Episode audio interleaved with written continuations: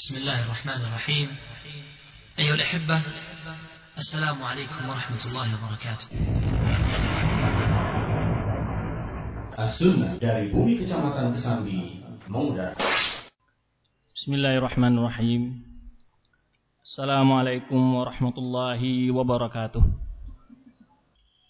إن الحمد لله نحمده ونستعينه ونستغفره wa na'udzu billahi min shururi anfusina wa sayyiati a'malina may yahdihillahu fala mudilla lahu wa may yudlil fala hadiya lahu wa ashhadu an la ilaha illallah wahdahu la sharika lahu وأشهد أن محمدا عبده ورسوله لا نبي بعده قال الله تعالى في كتابه الكريم يا أيها الذين آمنوا اتقوا الله حق تقاته ولا تموتن إلا وأنتم مسلمون يا أيها الناس اتقوا ربكم الذي خلقكم من نفس واحدة وخلق منها زوجها وبث منهما رجالا كثيرا ونساء.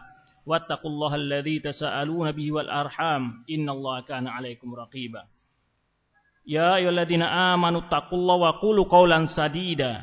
يصلح لكم أعمالكم ويغفر لكم ذنوبكم. ومن يطع الله ورسوله فقد فاز فوزا عظيما. أما بعد فإن أصدق الحديث كتاب الله وخير الهدى هدى محمد صلى الله عليه وسلم وشر الأمور محدثاتها وكل محدثة بدعة وكل بدعة ضلالة معاشر الإخوة segala puji dan syukur kehadiran Allah Subhanahu wa taala atas segala limpahan dan rahmatnya kepada kita sehingga pada kesempatan yang berbahagia ini kita dapat berjumpa dalam rangka bertafakuh fiddin. Semoga Allah Subhanahu wa taala menjadikan orang-orang yang senantiasa ingin menggali dan bersemangat mengamalkan agama ini serta menyampaikannya kepada umat kita. Kemudian salawat serta salam buat Nabi kita Muhammad sallallahu alaihi wasallam yang telah berjuang dan berkorban untuk sampainya ajaran yang beliau bawa kepada seluruh umat manusia demi mencapai kebahagiaan manusia ini di dunia dan akhirat, keselamatan mereka di dunia dan di akhirat. Kemudian tak lupa pula kami ucapkan terima kasih banyak kepada ikhwan yang telah memfasilitasi untuk pertemunya acara kita atau dapatnya dilaksanakan acara kita pada hari ini. Semoga setiap orang yang ikut andil dengan pikiran, bantuan baik materi maupun moral diberi balasan oleh Allah Subhanahu wa taala dengan balasan yang berlipat ganda. Kemudian juga para ikhwan yang telah hadir pada hari ini, termasuk orang-orang yang mau mensyiarkan taklim, pendidikan agama serta mempelajari ilmu agama. Semoga Allah juga menuliskan setiap langkah yang dilangkahkan oleh saudara-saudara kita yang datang ke acara ini dinilai oleh Allah Subhanahu wa taala sebagai amal soleh. Para ikhwan dan akhwat yang dirahmati oleh Allah Subhanahu wa taala. Pembahasan kita yang telah ditentukan oleh panitia pada kesempatan ini adalah yaitu tentang lembutnya dakwah Ahlussunnah wal Jamaah. Pemilihan judul ini atau panitia memilih judul ini untuk dituangkannya kepada kita semua barangkali melihat fenomena dakwah salafiyah di di bagai penjuru dunia yang mana telah menghancur dan memporak-perandakan yaitu sikap tidak bijaksana dalam menyampaikan dakwah yang mulia ini. Semuanya telah disampaikan oleh Syekh Rabi' dalam risalah beliau yaitu Al-Hathu ala Mawaddah beliau katakan saya melihat bahwa kekerasan telah mencoba capri dakwah kita ini dan telah menghancurkan dakwah ini di berbagai belahan dunia bahkan sampai hari ini tindakan ini masih belum reda di bagian saudara-saudara kita yang menisbahkan diri mereka ke manhaj atau dakwah al-sunnah wal jamaah. Para ikhwan yang dirahmati Allah subhanahu wa ta'ala. Kitab yang akan kita bedah atau kita bahas pada kali ini adalah Rifqan Ahli bi Ahli Sunnah. Itu berlemah lembutlah antara Ahli Sunnah sama Ahli Sunnah. Karangan sebenarnya pengarang adalah Syekh Abdul Muhsin bin Hamad Al-Abad Al-Badr. Bukan Syekh Abdul Razak. Kebetulan cetakan itu adalah cetakan pertama salah cetak yaitu ditulis Abdul Razak anak beliau. Sebetulnya yang mengarang adalah bapaknya yaitu Syekh Abdul Muhsin Al-Muhaddits Al-Madani. Beliau adalah ahli hadis di kota Madinah. Ya, barangkali sedikit mungkin boleh kita sebutkan tentang biografi kita beliau walaupun saat kami menerjemahkan kitab ini awal dikeluarkan oleh beliau, kami langsung menemui beliau meminta izin untuk terjemahkan uh, kitab ini karena begitu melihat fitnah yang terjadi khususnya di Nusantara ini di negara kita membawa efek samping yang sudah sangat melampaui batas. Maka kami minta izin langsung dari Syekh, kemudian Syekh mengizinkan. Tatkala kami meminta izin untuk ditulis biografi beliau, beliau kata al-haqqa al-haqqu la yuqawimu birrijal. Artinya beliau mengatakan tidak usah ditulis terjemahan beliau. Kenapa? Karena barangkali kadang-kadang orang karena dengan terjemahan melihat beliau itu baru diterima nasihat. Kata beliau nasihat itu wajib diterima dari siapa pun saja. Maka beliau tidak membolehkan kami untuk menulis biografi beliau. Tapi di dalam ceramah ini kita belokkan beliau adalah seorang hadith ahli Madinah yang masih hidup saat sekarang ini. Awal perjumpaan kami dengan beliau adalah saat awal kami diterima di Universitas Islam Madinah. Di saat itu beliau masih mempelajari Sunan Abi Daud. Alhamdulillah kami ikut dalam pelajaran-pelajaran yang beliau berikan. Kemudian Sunan Nasai, Sunan An-Nasai, kemudian Sunan Tirmizi. Yang mana pada saat sekarang ini mungkin masih dalam pembahasan ilal. Di waktu kami pulang beliau masih membahas kitab ilal dalam Sunan Tirmizi. Beliau juga sebagai tengah pengajar di Universitas Madinah, ya, di Kuliah Syariah dan pernah menjabat sebagai wakil dan rektor Universitas Madinah. Beliau sudah berumur, sudah tua sekali. Ya, barangkali di antara ulama-ulama yang ada di Madinah beliau lah sekarang ini boleh dikatakan beliau lah yang tertua baik dari segi usia maupun ilmu. Ya. Beliau maupun dan beliau telah memiliki karangan-karangan begitu banyak dalam menyampaikan nasihat kepada ummah. Beliau orangnya sangat sabar dan beliau kita kenal sendiri ya, kita hadir dalam majelis beliau dan juga ziarah ke ke rumah dan ke masjid beliau. Itu sedikit tentang biografi beliau. Beliau adalah ulama al-muhaddits ini Syekh Abdul Muhsin bin Abad uh, bin Hamad Al-Abad Al-Badr. Kemudian kitab ini baru kalang, baru karang, baru tulis adalah takala dakwah Ahlussunnah wal Jamaah.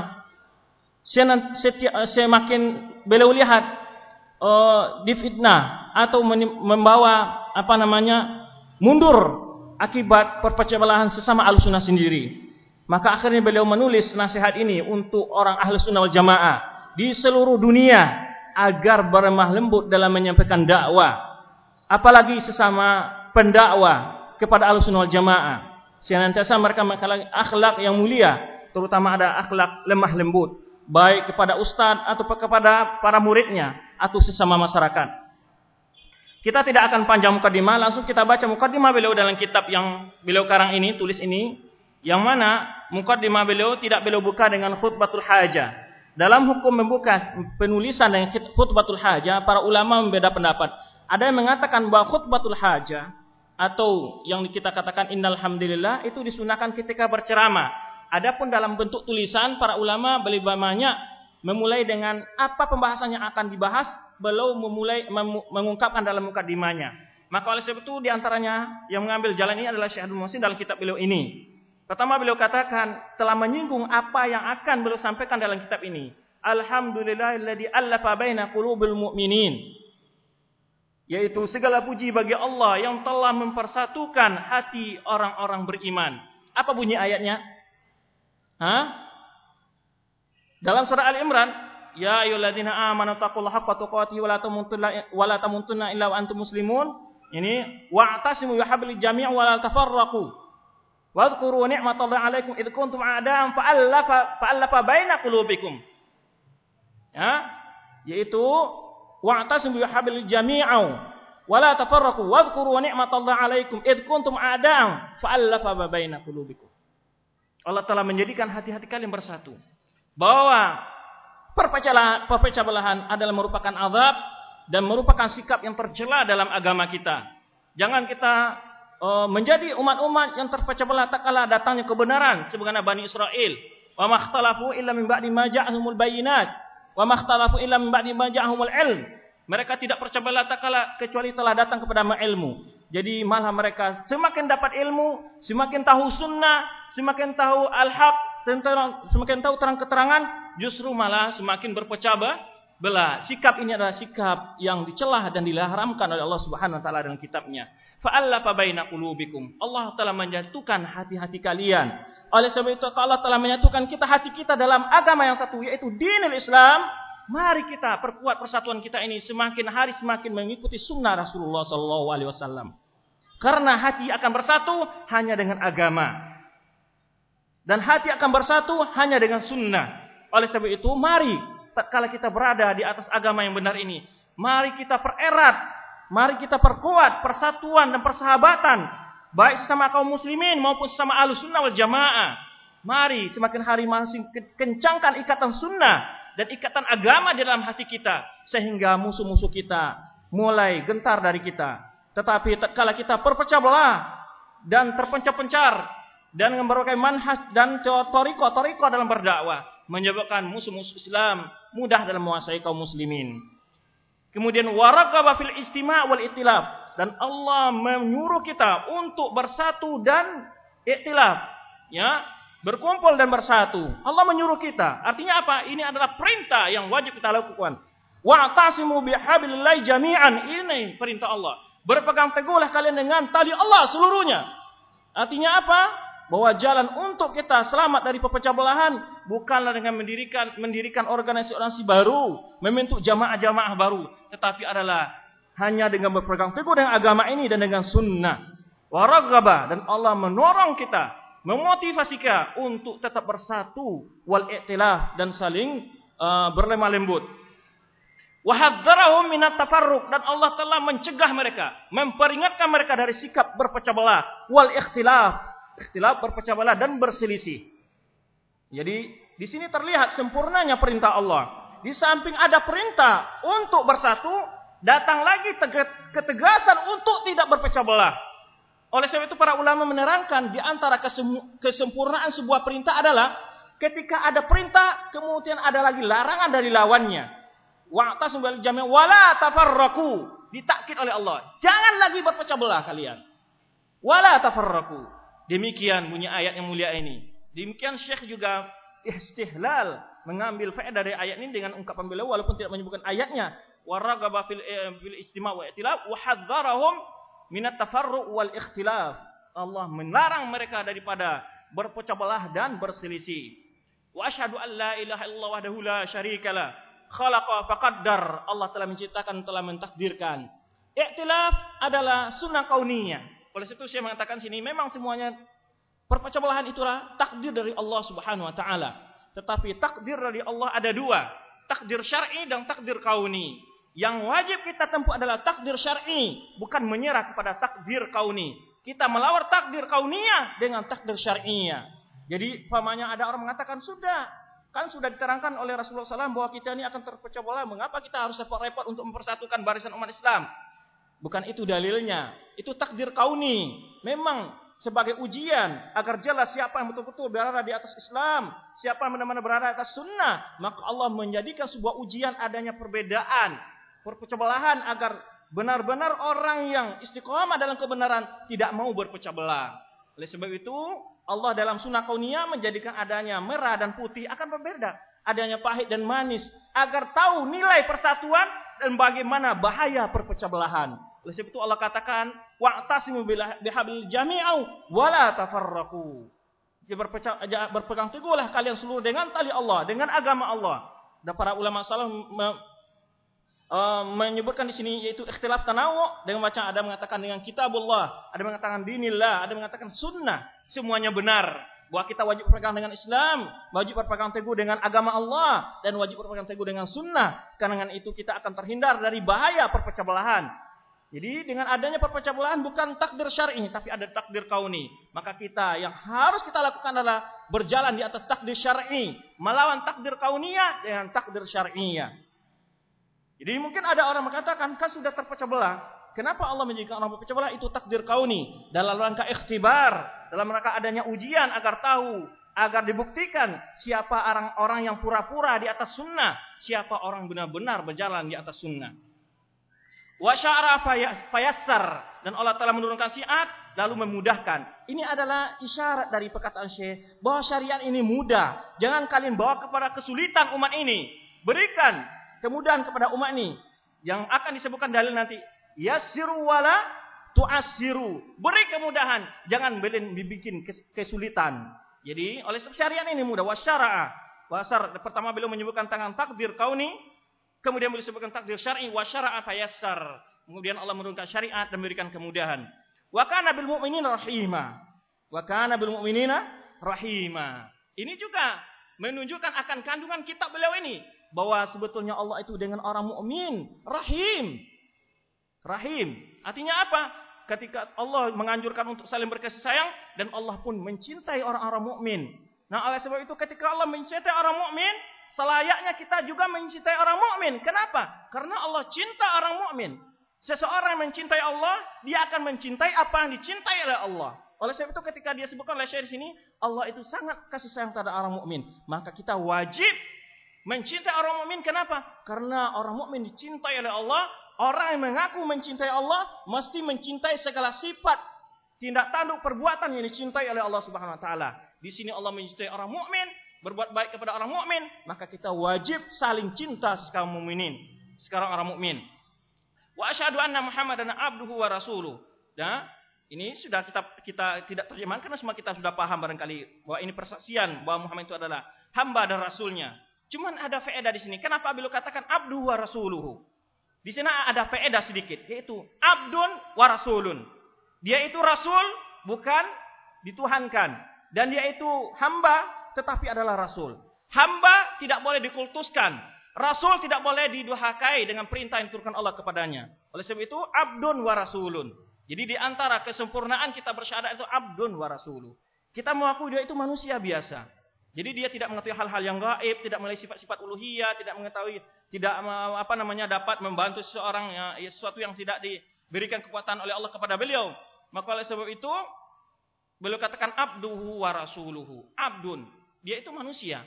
Bukan sebagaimana anggapan sebagian orang mengatakan bahwa dia diciptakan dari nur, ya, atau dia adalah makhluk yang paling utama sekali diciptakan Allah. Mereka hulu. Bahkan sampai memberikan sifat-sifat uluhiyah kepada Rasul. Ini tidak boleh. Abdun, dia itu adalah manusia biasa. Wa rasuluhu, dan dia itu Rasul. Walaupun dia seorang hamba, tapi dia itu wajib kita taati karena dia utusan Allah. Maka dia abdun, jadi maka dia itu adalah hamba, tidak boleh kita angkat derajatnya kepada tingkat yang lebih diberikan oleh Allah. Dia itu rasul yang wajib kita hargai dan kita hormati dan kita ikut ajarannya. Kemudian Allah di amara bitaisir. Kemudian beliau mengingatkan lagi bahwa ini adalah perintah Allah, perintah Al-Qur'an dan perintah rasulnya untuk kita memberikan kemudahan dan berkasih sayang sesama orang mukmin. Jadi sudah lengkap dari Al-Quran, dari firman Allah, dari Allah sifat Allah sendiri. Kemudian beliau sebutkan bagaimana lagi perintah Rasulullah SAW dan sifat Rasulullah SAW sendiri itu mencintai orang mukmin dan berkasih sayang seorang mukmin. Jadi Syekh dalam mukaddimahnya sudah memberikan suatu apa namanya pelajaran yang betul dalam dan tegas dalam masalah ini. Jadi ini berkasih sayang itu adalah Isi Al-Quran, perintah Allah. Allah mencintai sifat seperti itu. Dan itu adalah perintah Rasulullah SAW. Dan baru Rasulullah SAW mempraktekkan sikap ini dalam kehidupan beliau, dalam dakwah beliau. Yaitu sikap berlemah lembut sesama kaum mukminin. Yang mana Rasulullah SAW menyuruh kita untuk baitaisir, watabshir. Yassiru, ini kata Rasulullah beri kemudahan. Wala tu'asiru, jangan kalian membawa membuat orang kesulitan. Obashiru, beri kabar gembira. Wala tunafiru, jangan kalian membuat orang lari dari agama Islam. Jadi jelas di sini, karena itu Rasulullah SAW di sini uh, beliau ungkapkan amar bitasir dan ini adalah perintah Rasulullah SAW agar kita berkasih sayang berlemah lembut di dalam dakwah kita. Faqala lalu beliau sebutkan sabda Rasulullah SAW bahwa itu adalah perintah dari Rasulullah SAW yassiru wala tu'assiru. Beri kemudahan dan jangan kalian mempersulit. Kemudian basyiru wala tunafiru. Beri kabar gembira, jangan kalian membuat orang lari dari Islam ini. Dalam hadis lain yaitu mungkin bukan berarti kita bermudah-mudah semuanya tidak. Karena diterangkan dalam sabda Aisyah eh, dalam sabda Rasulullah SAW yang diriwayatkan oleh Aisyah radhiyallahu anha, istri biro istri Nabi wasallam ini Aisyah dan beliau katakan, "Ma khuyya Rasulullah SAW baina amrayni ila ikhtara aisarahuma." Tidaklah Rasulullah SAW dihadapkan kedua pilihan kecuali beliau pilih yang termuda. Malam yakum fihi ithman. Selama dua pilihan ini tidak ada dosa di antara keduanya. Jadi selama tidak ada dosa, celaan dan larang dalam agama dan itu dibolehkan dalam agama dua hal ini, pilih yang termuda dan itu sikap Rasulullah SAW. Oleh istri beliau Aisyah radhiyallahu anha. Allahumma salli wa barik alaihi ini Allahumma salli wa sallim wa barik alaihi wa ala ahli mutahhirin ini dan kepada keluarga beliau yang suci wa ashabi alladzina wasafahumullahu bi annahum ashidda 'alal kufar.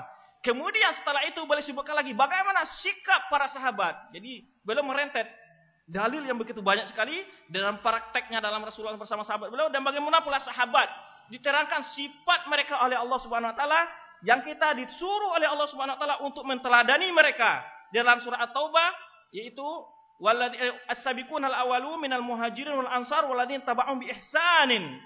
Kita disuruh mencontoh mereka, generasi terkemuka umat ini.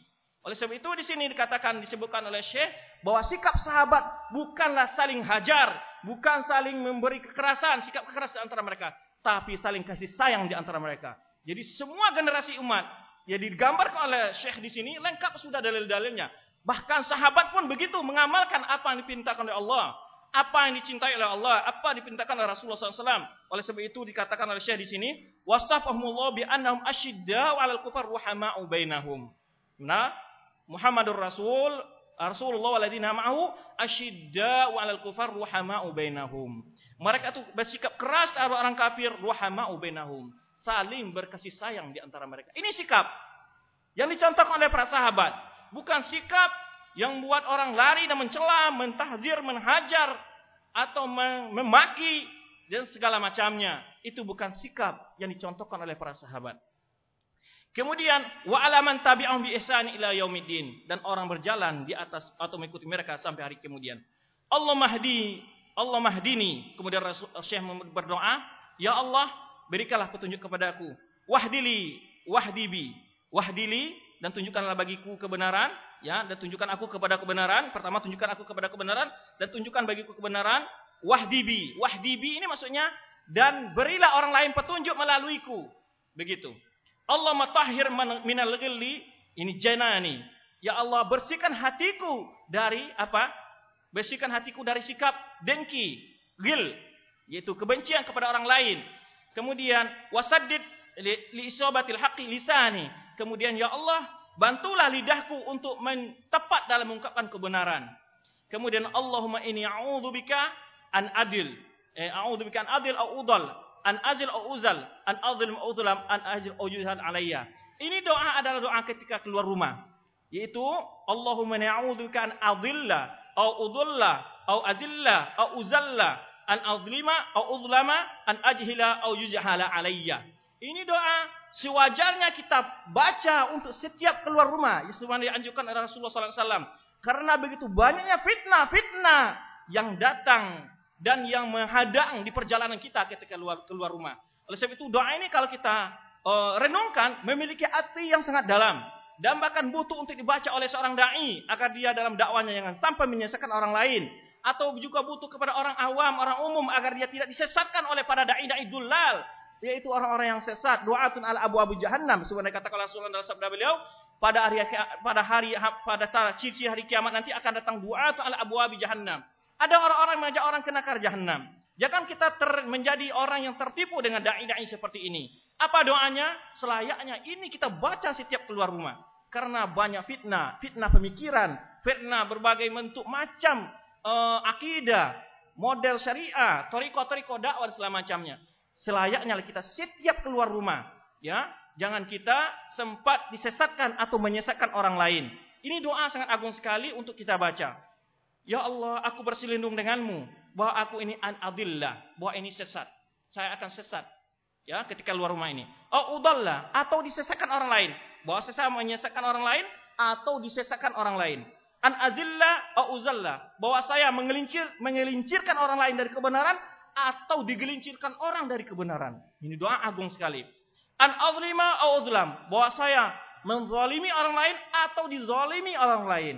Kemudian an ajhila, bahwa saya membuat melakukan orang membuat berbuat kebodohan kepada orang lain au yujahala alayya atau diperbodohi orang lain.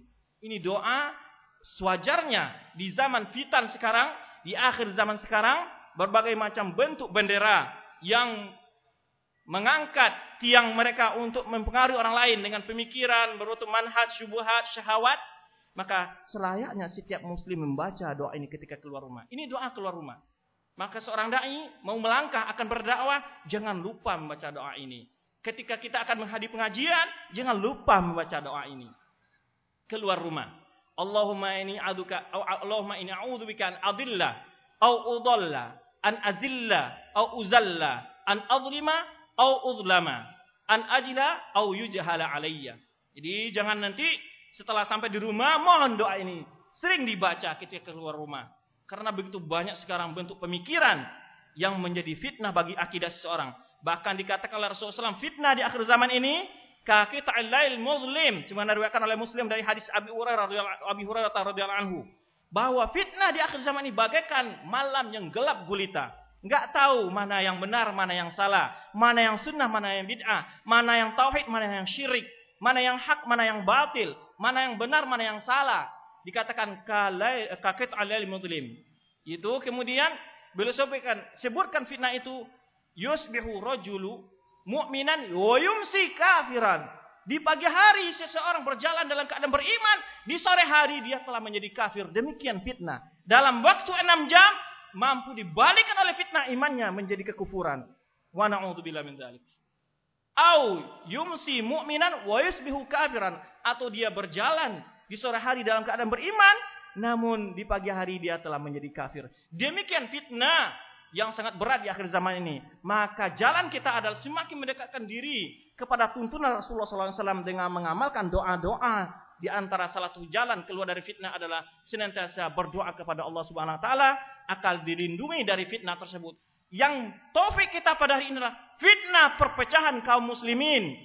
Apalagi fitnah perpecahan alus sunnah wal jamaah. Ini fitnah yang sudah membahayakan sekali. Bahkan ada orang yang pertama rajin ngaji menjadi futur, menjadi meninggalkan semua ini. Apa di sini salah, situ salah, membingungkan masyarakat, menyebabkan orang kembali kepada kekufuran, menyebabkan orang kembali kepada kebodohan. Akibat apa?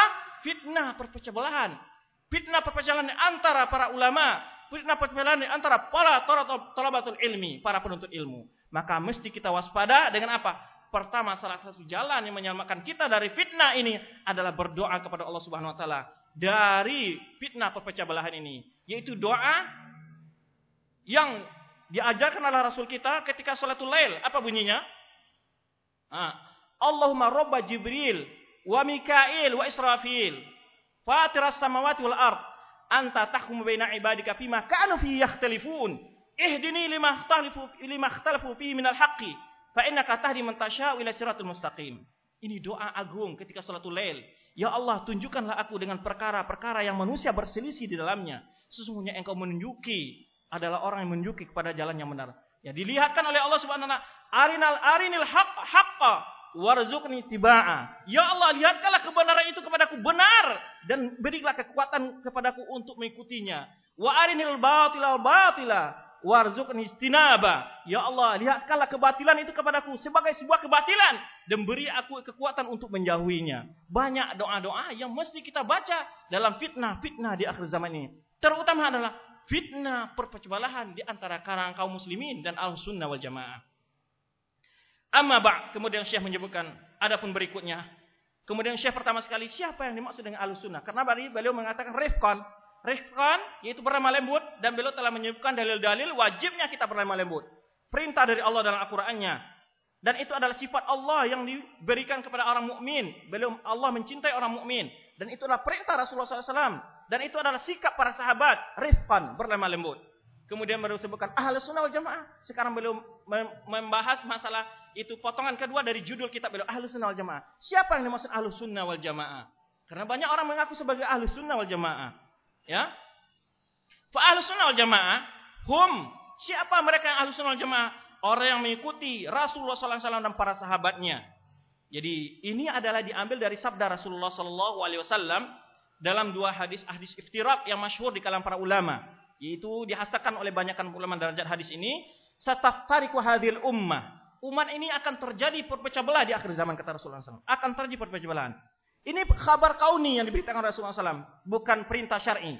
Jadi bagaimana keadaan umat diberitahu oleh Allah kepada Rasulnya, umatmu akan terpecah belah. Beritahu kepada mereka. Jalan keluar dari perpecah belahnya apa? Jadi ketika beliau menyebutkan penyakit, lalu bukan terapinya. Jalan keluar dari permasalahannya apa? Saya illa ini kullu hapinar illa wahida. Semua itu adalah masuk neraka kecuali satu. Siapa mereka yang selamat dari pecah belahan? Yang selamat dari api neraka? Mangkana mithli ma'ana alaihi wa. Orang yang berada di atas apa yang aku berada aku pada hari ini dengan sahabatku, itulah orang yang ahlus sunnah wal jamaah. Akidahnya sesuai dengan akidah Rasul dan akidah para sahabat. Ibadahnya sesuai dengan ibadah Rasul dan ibadah para sahabat. Kemudian ya akhlaknya, dakwahnya semuanya mengacu bagaimana dakwah dan contoh dari sahabat Rasulullah SAW dalam berdakwah. Semuanya mengacu kepada ini. Oleh sebab itu dikuatkan oleh Rasulullah SAW dalam hadis Erbat bin Sariyah yang masyhur. Apa katanya? Fa innahu minkum. Sesungguhnya siapa yang hidup di antara kalian akan melihat perpecah belahan yang banyak. Fa sayara ikhtilafan katsira. Perpecah belahan yang banyak, kelompok-kelompok yang banyak, golongan-golongan yang banyak membingungkan. Siapa yang benar? Semua mereka mengatakan dalil kami Al-Quran dan Sunnah. Ya, tapi ada titik yang tidak mereka sebutkan. Oleh sebab itu, apa jalan keluar kata Rasulullah jika ter, engkau melihat kondisi seperti ini, melihat perpecahan yang banyak kata Rasulullah SAW, apa nasihat beliau kepada sahabat? Fa'alaikum bisunnati wa sunnati khulafa'ir rasyidin al-mahdiyyin min ba'di. Maka jalan keluar agar kalian selamat di perpecahan itu adalah berpegang teguh dengan sunnahku dan sunnah khulafah rasyidin. Kenapa Rasulullah harus menyebutkan sunnah khulafah rasyidin? Apakah ada perbedaan antara khulafah rasyidin dengan sunnah khulafah rasyidin dan sunnah Rasulullah? Tidak ada perbedaan. Tetapi kenapa Rasulullah menekankan sunnah khulafah rasyidin? Karena mesti dalam mengamalkan Al-Quran sunnah mengacu dalam pemahaman sahabat. Kalau tidak, Al-Quran akan dipahami sesuai dengan hawa nafsu orang masing-masing. Oleh sebab itu, semua aliran sesat mengaku dalil kami Al-Quran dan sunnah. Tetapi ada titik yang mereka tidak pegang yaitu memahami Al-Quran dan Sunnah sesuai dengan pemahaman sahabat dan para orang-orang yang mengikuti jalan mereka. Orang-orang eling, mereka amat dalil dengan Al-Quran. Apa bunyinya? Ya, Akimis salat lidikri. Dirikanlah salat untuk mengingatku. Dalilnya Al-Quran. Bagaimana lagi? Bukan hadis ahad, bukan hadis lemah, bukan hadis mutawatir. Ya, Al-Quran dalilnya. Bingung kita. Dalilnya juga benar Al-Quran. Tetapi pemahaman dalil tidak sesuai dengan pemahaman sahabat. Dirikanlah sholat untuk mengingatku kata mereka. Ini dalil kami. Bahwa hanya boleh eling saja kalau mau sholat. Dalilnya Al-Quran. Tetapi kuncinya adalah memahami Al-Quran tadi sesuai pemahaman sahabat. Maka kita katakan, demikiankah sahabat memahami ayat yang kamu jadikan dalil itu? Oleh sebab itu kata Umar bin Khattab radhiyallahu anhu, jika engkau berdalil dengan ahlul bidah, lawan mereka dengan sunnah. Karena sunnah akan menerangkan maksud dari ayat dan hadis-hadis. Orang-orang jil, orang liberal mengatakan, Inna salata tanha anil fasha'il munkar. Ya, sungguh salat itu untuk mencegah dari perbuatan keji dan mungkar. Mereka berdalil, bila kita tidak melakukan perbuatan keji dan mungkar, untuk apa salat? Karena tujuan salat adalah melarang dari perbuatan keji dan mungkar. Dalilnya Al-Quran, bukan hadis-hadis lagi. Jadi tidak bisa berkomentar kita, mana dengan dalilnya Al-Quran. Tapi jawabnya, apakah Rasulullah dan para sahabat orang yang gandrung mengakukan keji dan mungkar sehingga mereka rajin salat? Maka ketika titik yang penting bukan hanya perkara Al-Quran Sunnah saja. Tapi memahami Al-Quran Sunnah sesuai pemahaman sahabat. Nah ini jalan selamat dari pecah belahan. Jadi ini jalan selamat diberikan oleh Rasulullah SAW kepada kita. Tatkala melihat nanti pecah belahan kata Rasulullah SAW pada sahabatnya. Pegang Al-Quran dan Sunnah dan Sunnah para sahabat. Khulafa al-Syahsidin al-Mahdiyin. Rashid wal Huda. Dalam terjemahan kita bahasa Indonesia itu sama. Itu petunjuk. Sebetulnya dalam bahasa Arab dan pengertian syar'i itu berbeda. Disebutkan oleh para ulama di antara Ibnu Qayyim rahimahullah menerangkan al-huda al-ilmu bil haqqi warusdi al-amalu bil haqqi. Jadi tidak cukup ilmu saja tentang kebenaran, tapi mengamalkan kebenaran itu. Jadi sahabat di tazkiyah, dijamin oleh Rasulullah SAW mereka adalah orang berilmu tentang kebenaran dan telah mengamalkan kebenaran tersebut. Itu apa beda antara huda dengan rush. Huda al-ilmu bil haqqi. Warush yaitu al-amalu bil haqqi. Ilmu tentang kebenaran dan mengamalkan kebenaran itu. Jadi tidak cukup hanya berilmu saja ha, tanpa beramal atau beramal tanpa ilmu. Karena dalam bidang ilmu sesat dua dua golongan dari umat manusia, Yahudi dan Nasara. Sebenarnya kata Rasulullah SAW yang menafsirkan dalam menafsirkan firman Allah, ghairil maghdu alaihim waladdallin. Itulah mereka tahu kebenaran, maghdu alaihim, mereka dimarahi oleh Allah karena tidak mau beramal. Waladhalin ditafsirkan mereka orang Nasara, mereka beramal tetapi tidak dengan ilmu. Adapun para sahabat al-mahdiyin, ar-rasyidin al-mahdiyin, orang yang dapat rush dan huda. Jadi berilmu tentang kebenaran dan mengamalkan kebenaran. Itu sedikit tentang jalan kita keluar dari perpecah belahan ini. Washab itulah yang ahlu sunnah wal jamaah. Mereka disebabkan kepada sunnah karena kuatnya mereka berpegang teguh dengan sunnah. Jadi, wanisbatu ilam sunnah rasul. Nisbah mereka, mereka disandarkan pada sunnah Rasulullah SAW. Dan alati hatta termasuk bi kaulihi yang mana Rasulullah SAW telah menorong umat ini untuk memerintahkan agar umat ini berpegang teguh dengan sunnahnya. Fa'alaiku bi sunnati wa sunnati khulafa rasyidin al-mahdiyin min ba'di. Jadi, maka pegang teguhlah atas kalian. Tak kala kalian melihat perpecah belahan, ikuti sunnahku kata Rasulullah dan sunnah para khulafa rasyidin al-mahdiyin eh, ar-rasyidin al-mahdiyin. Ini telah kita katakan dari maksud dari rush, rush dan huda. Min ba'di setelahku nanti. Tamassaku biha. Jadi alaikum ini dalam bahasa Arab itu sudah perintah. Kemudian ditambah lagi perintah. Tamassaku biha. Pegang erat-erat. Adu alaih bin Wajiz. Bukan hanya sampai di situ. Gigit dengan geraham. Adu alaiha bin Wajiz. Kenapa Rasulullah SAW harus menggigit dengan geraham? Di sini ada faedah. Disebutkan oleh para ulama. Adalah orang yang berpegang teguh dengan sunnah. Akan butuh kepada. Bukan hanya bisa dipegang dengan oh, apa namanya sepele, remeh atau enteng saja tidak, akan menghadapi tantangan-tantangan yang pada akhirnya dia harus menggigit sunnah kebenaran itu dengan gerahamnya. Semakin banyaknya orang merenggut dia dari kebenaran. Ingin merebut dia untuk lari dari kebenaran. Jadi karena beratnya tantangan digambarkan oleh Rasulullah SAW sampai nanti kebenaran itu harus kita gigit. Kenapa? Karena banyak orang yang mau melencengkan kita dari kebenaran itu. Mau menarik kita dari kebenaran itu. Jadi oleh sebab itu atau menarik sunnah itu dari kita. Maka mesti kita di oleh sebab itu adu alaiha bin. Gigit dengan geraham. Inilah ibarat jadi atau bentuk gambaran yang diterangkan oleh Rasulullah SAW, tak kala ini mengingatkan kita bahwa orang berpegang teguh dengan sunnah akan menghadapi tantangan dan cobaan-cobaan yang banyak. Sampai dia harus menggigit kebenaran itu. Demikian harus berkuatnya kita memegang.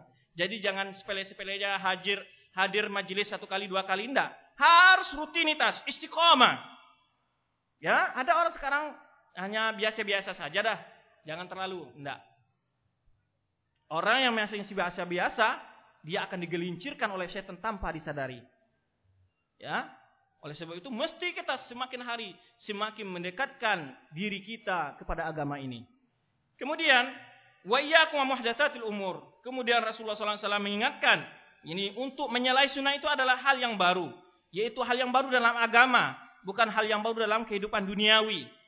Ya, yaitu yang maksud di sini adalah yang masyhur di kalangan ulama dikatakan membuat sesuatu dalam agama disebut dengan istilah bid'ah. Itu menambah-nambah ajaran Islam. Sesuatu yang tidak dicontohkan oleh Rasulullah SAW dan sahabatnya. Ini yang dimaksud. Karena ada orang mengatakan, wah bid'ah itu ada yang baik, ada yang jelek. Tidak ada.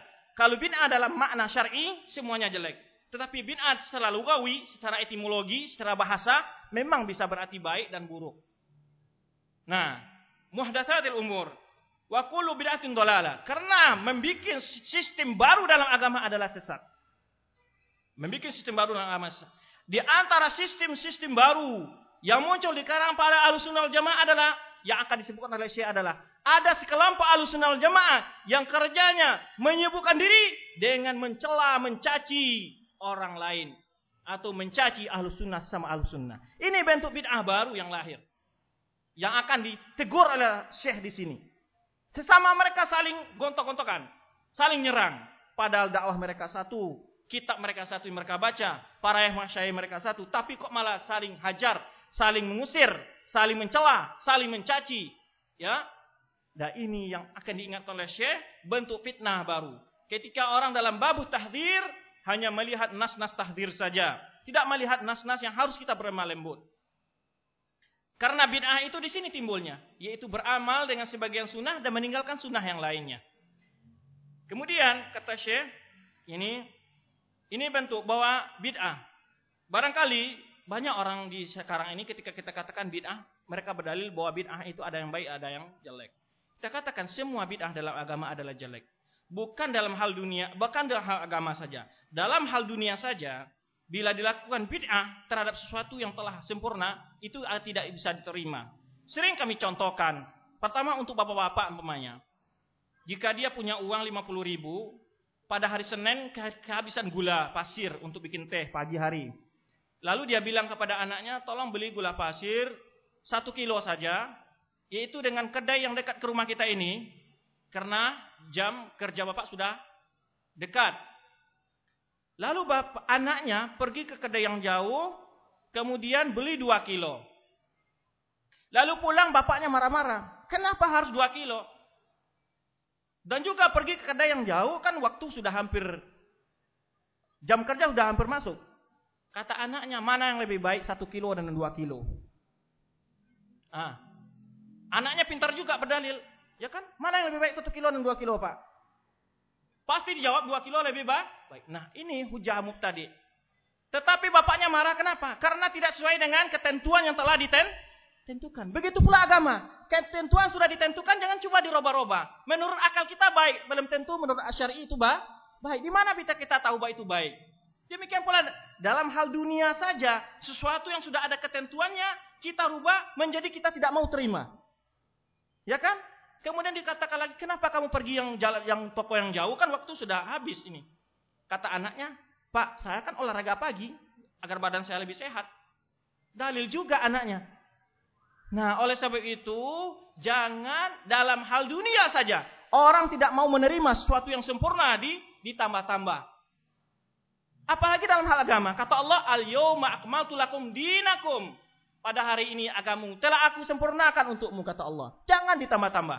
Karena sesuatu yang sempurna apabila ditambah menjadi rusak. Buktinya tadi. Contoh lagi, contoh kedua tukang pamannya. Ini panjangnya pas pamannya 15 meter. Lalu kata tukang, wah lebih baik ditambah aja sedikit agak 5 cm. Bagaimana kira-kira bangunannya? Bangunan akan jadi senjang atau akan mungkin bisa diroboh. Karena sudah ada ketentuan jangan coba ditam, ditambah. Demikian pula bagi ibu-ibu kalau masak umpamanya, masak gulai ya. Masak gulai, pas bumbunya, bawangnya, garamnya, cabenya, pokoknya sudah mantap, sudah jelas ukurannya. Biasanya kalau pulang kerja bapaknya nambu tiga kali makan, enak. Tahu-tahu ada anaknya yang iseng. Ditambah garamnya atau ditambah cabenya. Kepedasan atau keasinan. Pulang bapaknya, pertama baru ngecapnya, kok begini? Ya kan perut lapar, sambal nggak enak. Jadi marah-marah bapaknya. Untung saja nggak jadi ditalak satu ya kan. Nah, bagaimana? Bayangkan, sesuatu yang pas bila ditambah menjadi ruh, rusak. Apa lagi agama? Jadi jangan coba-coba mengajari Allah dan Rasulnya. Orang yang melakukan bid'ah berarti dia lebih pintar dari Allah dan Rasul. Kata dia ini lebih baik, ini lebih baik. Di mana Anda tahu bahwa itu lebih baik? Karena kebaikan dalam agama tidak diketahui kecuali melalui jalan wahyu. Dalam urusan dunia, manusia tidak bisa menerima sesuatu yang ditambah tak, sesuatu yang sudah ada ukuran dan ketentuannya ditambah nggak bisa menjadi rusak. Apalagi dalam urusan aga, agama. Itu sedikit tentang bid'ah. Sebetulnya pembahasan kita tidak ini ya, adalah bentuk bid'ah baru yang muncul di tengah umat manusia adalah ketika mereka hanya beramal dengan sebagian nas-nas tentang sikap-sikap menegaskan terhadap pelaku kebatilan atau bid'ah umpamanya. Kemudian dalam hadis lain disebut oleh Syekh di sini, "Paman raghiba an sunnati falaysa minni." Orang enggan untuk mengikuti sunnahku maka dia tidak termasuk golonganku. Wa bi khilafi ghairihi min ahli ahwa. Berbeda dengan orang yang di luar Ahlussunnah wal Jamaah mereka senantiasa menisbahkan diri mereka imah kepada pendiri jamaahnya atau pada pendiri kelompoknya, pendiri alirannya. Ini ciri ahlu bid'ah. Bahwa mereka tidak menisbahkan diri kepada sun, sunnah. Contoh Jahmiyah. Dalam ada bid'ah Jahmiyah dalam bab akikot namanya. Itu nisbah kepada Jaham bin Safwan. Al-Mu'tazilah. Itu nisbah kepada konsep mereka yaitu Al-Mu'tazili. Yaitu uh, Amr bin Ubaid yang mengatakan ketika ditanya dalam Masjid Hasan Basri mengatakan orang yang mati, orang yang berdosa besar ketika mati di mana tempatnya? Dikatakan oleh dia al-manzilah bain manzilatain. Lalu i'tazala, lalu dia mengasihkan dari Majlis Hasan Basri. Disebutkan dia orang-orang Mu'tazilah. Kemudian Asy'ariyah, Maturidiyah dan banyak kelompok lain-lain. Syiah, Rafidhah, semua mereka menisbahkan diri kepada apa? Kelompok dan guru-guru mereka. Adapun Ahlussunnah wal Jamaah tidak ada gelar dan nama bagi mereka kecuali hanya sunnah. Al-Jamaah mereka bersatu di atas sunnah. Ya, jamaah mereka dibina di atas sunnah. As-sunnah dan mereka tegakkan dengan jamaah. Jadi mereka bersatu, bukan saling kontok-kontokan dan saling mencela sama mereka. Kemudian itu sedikit tentang Syekh uh, menyebutkan bahwa berbeda dengan kelompok dulu Islam, mereka itu menisbahkan dirinya bukan kepada sunnah, tetapi menisbahkan dirinya kepada pendiri-pendirinya, pada kelompok-kelompoknya, dan teori-teori yang mereka bikin sendiri. Itu salah satu ciri ahlul bid'ah. Kemudian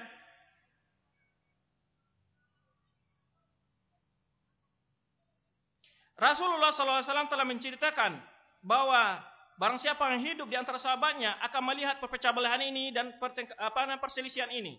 Faqala fa innahu may yashminkum fa sakhtilafan katsira. Sungguhnya orang yang hidup di antara kalian nanti akan melihat perpecah belahan yang banyak kata Rasulullah SAW.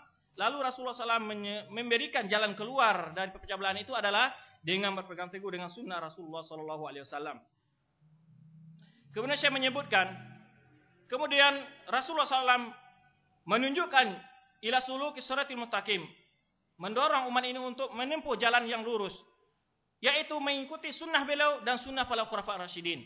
Dan memperingatkan agar umat ini dari hal-hal yang baru dalam agama ini. Dan bahwa suatu hal yang baru dalam agama adalah kesesatan. Walaysa minal ma'kul.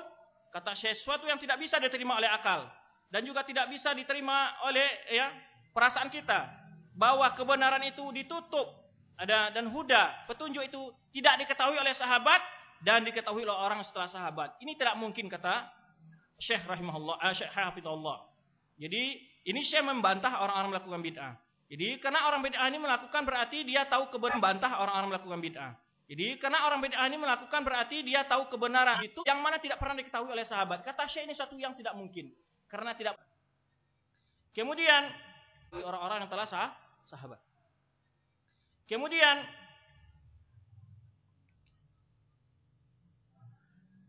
karena sesungguhnya semua bid'ah-bid'ah yang dibikin dalam agama itu adalah semuanya sesat dan buruk. Jikalau seandainya ada satu kebaikan dalamnya, tentulah sahabat orang yang pertama sekali melakukannya. Lah, tetapi dia itu adalah syarrun, adalah kesesatan dan kejelekan yang orang-orang yang telah mereka generasi setelah sahabat menjadi ujian, diuji dengan hal itu.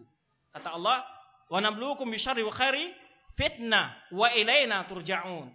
Kami uji kalian dengan kondisi jelek dan kondisi baik dengan hal yang baik eh, jelek hal yang baik fitnah sebagai ujian. Wa ilaina turja'un dan kalian akan dikembalikan kepada kami. Maksudnya siapa yang lolos akan mendapat pahala yang baik, siapa yang terfitnah dia akan menghadapi azab yang disediakan oleh Allah. Kemudian waqala Imam Malik rahimahullah, kemudian beliau menukil pendapat Imam Malik tentang wajibnya kita berpedoman kepada sunnah sahabat dalam menjalankan agama ini, kata Imam Malik, la yasluha akhiru hadhil umma illa bima salaha bihi awwaluha. Tidak akan pernah jaya, tidak akan pernah baik, tidak akan pernah unggul generasi akhir umat ini kecuali dia berpegang teguh atau menjadikan sesuatu yang telah membuat jaya umat sebelum mereka, yaitu berpegang teguh dengan sesuatu yang membuat umat sebelum kita jaya, yaitu sahabat. Bagaimana mereka jaya? Dikatakan oleh Rasulullah SAW, khairun nasi karni, thumma ladina yalum, thumma ladina lahum. Sebaik-baik generasi manusia adalah generasiku kata Rasulullah SAW, yaitu Rasulullah bersama sahabatnya. Kebaikan di sini segi apa? Banyak uangnya, bagus rumahnya, ya, mewah mobilnya, tinggi pangkatnya enggak. Khairiyah di sini khairiyah al-ilmi wal amal wad din wal istiqamah ala din. Kebaikan yang dimaksud dalam hadis ini adalah kebaikan mereka dalam mengamalkan wahyu, mengamalkan sunnah, menjalankan agama, dan menyampaikan agama. Ini yang kebaikan di sini. Maka kita harus menjadikan kebaikan yang telah diberikan pada mereka sebagai pedoman untuk menyampaikan kebaikan itu kepada manusia. Jadi kebaikan di sini bukan baik enaknya makanan mereka. Jadi kenapa Rasulullah menceritakan kepada kita bahwa baik generasi mereka agar ketika kita mau ingin baik, ini contoh orang telah berhasil dinilai sebagai orang terbaik oleh Rasulullah SAW. Mereka yang harus kita jadikan panutan dalam beragama, dalam berdakwah. Kemudian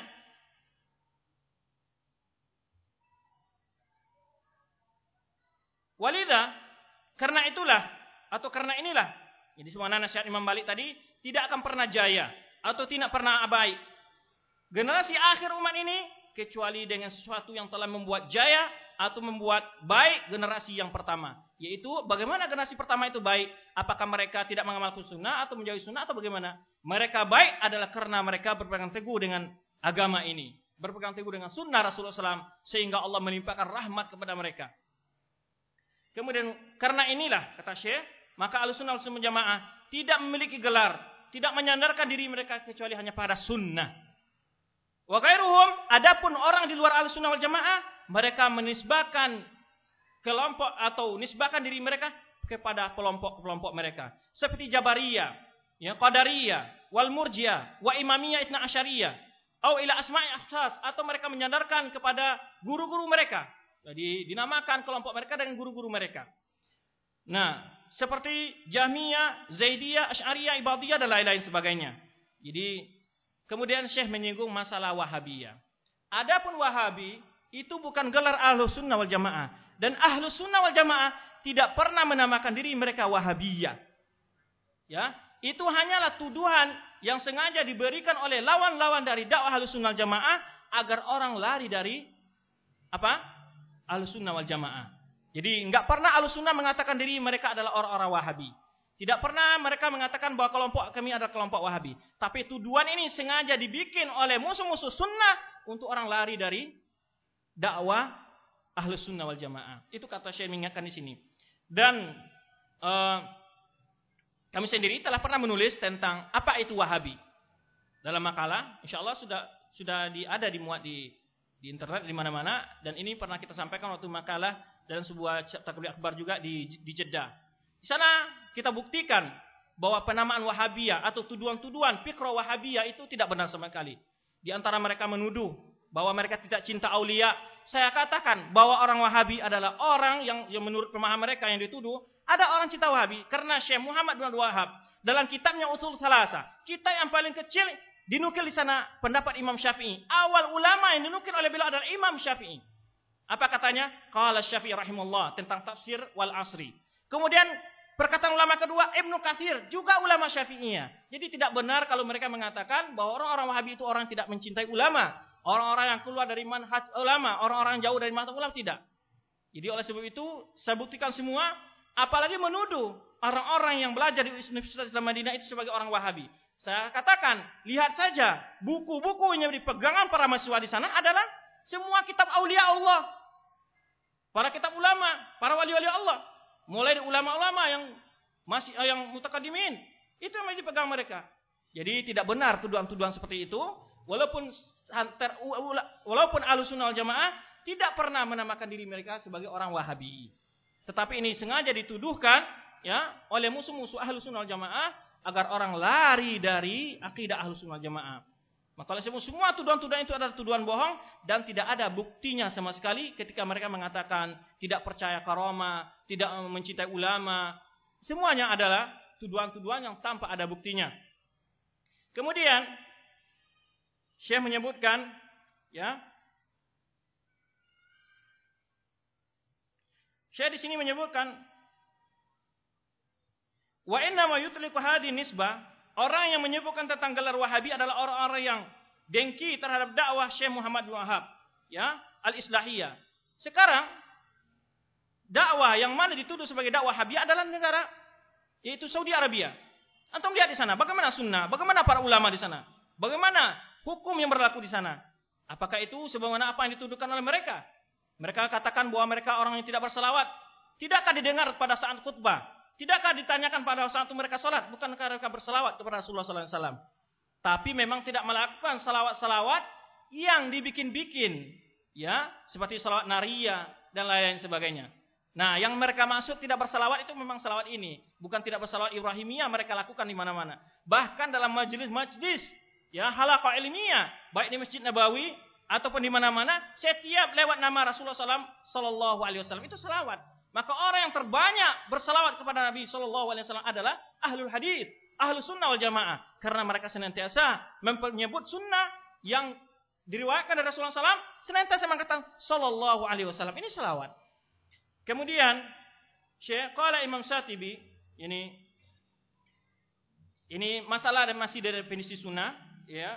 Imam Syatibi menyebutkan satu riwayat dari Abdurrahman bin Mahdi Ditanya Imam Malik uh, ditanya Malik bin Anas ini sahabat tentang sunnah. Apakah itu sunnah? Ini uh, tanya Imam Malik bin Anas ini bukan sahabat, ini Imam Malik, Imam Imam Darul Hijrah. Ini Imam Malik maksudnya, Malik bin Anas tentang sunnah apakah itu sunnah? Ini qala hiya ma la isma lahu ghairu sunnah. Itu yang maksud sunnah itu adalah orang ahlu sunnah itu adalah orang yang tiada memiliki gelar dan nama kecuali hanya nama sunnah saja. Kemudian beliau baca wa anna hadza sirati mustaqiman fattabi'u. Kemudian Imam Malik membacakan firman Allah dan inilah jalanku yang lurus, maka ikutilah wala tattabi'u subula. Jangan ikuti jalan-jalan selain itu, fatafarraqa bikum an sabilihi. Dia akan jalan-jalan yang kalian ikut selain jalan sunnah akan membuat kalian terpencar-pencar dan terpecah belah dari jalan Allah. Demikian sedikit tentang definisi sunnah. Kita tidak mengupas mengingat waktu. Ya, kita berpindah kepada topik yang ya atau kemudian kita tutup muka di masya ini perkataan beliau ini. Dari perkataan Ibnu Adil Bar dalam kitab beliau Al-Intiqa anna rajulan sa'ala malikan. Masih Imam Malik ditanya siapa ahlu sunnah? Beliau menjawab ahlu sunnah adalah orang yang tiada bagi mereka gelar yang dikenal dengannya. Jadi mereka tidak dituduh jahmi Orang Jahmiyah dan juga tidak Qadariyah, Qadari dan juga tidak Rafidi orang Rafidah. Wala syakka, kemudian saya mengatakan tidak sanksi lagi. Anal wajib ala ahli sunnah. Wa satu hal yang wajib dilakukan oleh wal jamaah fi kulli zamanin dalam sepanjang masa wa makanin di setiap tempat at-ta'aluf yaitu saling berkasih sayang.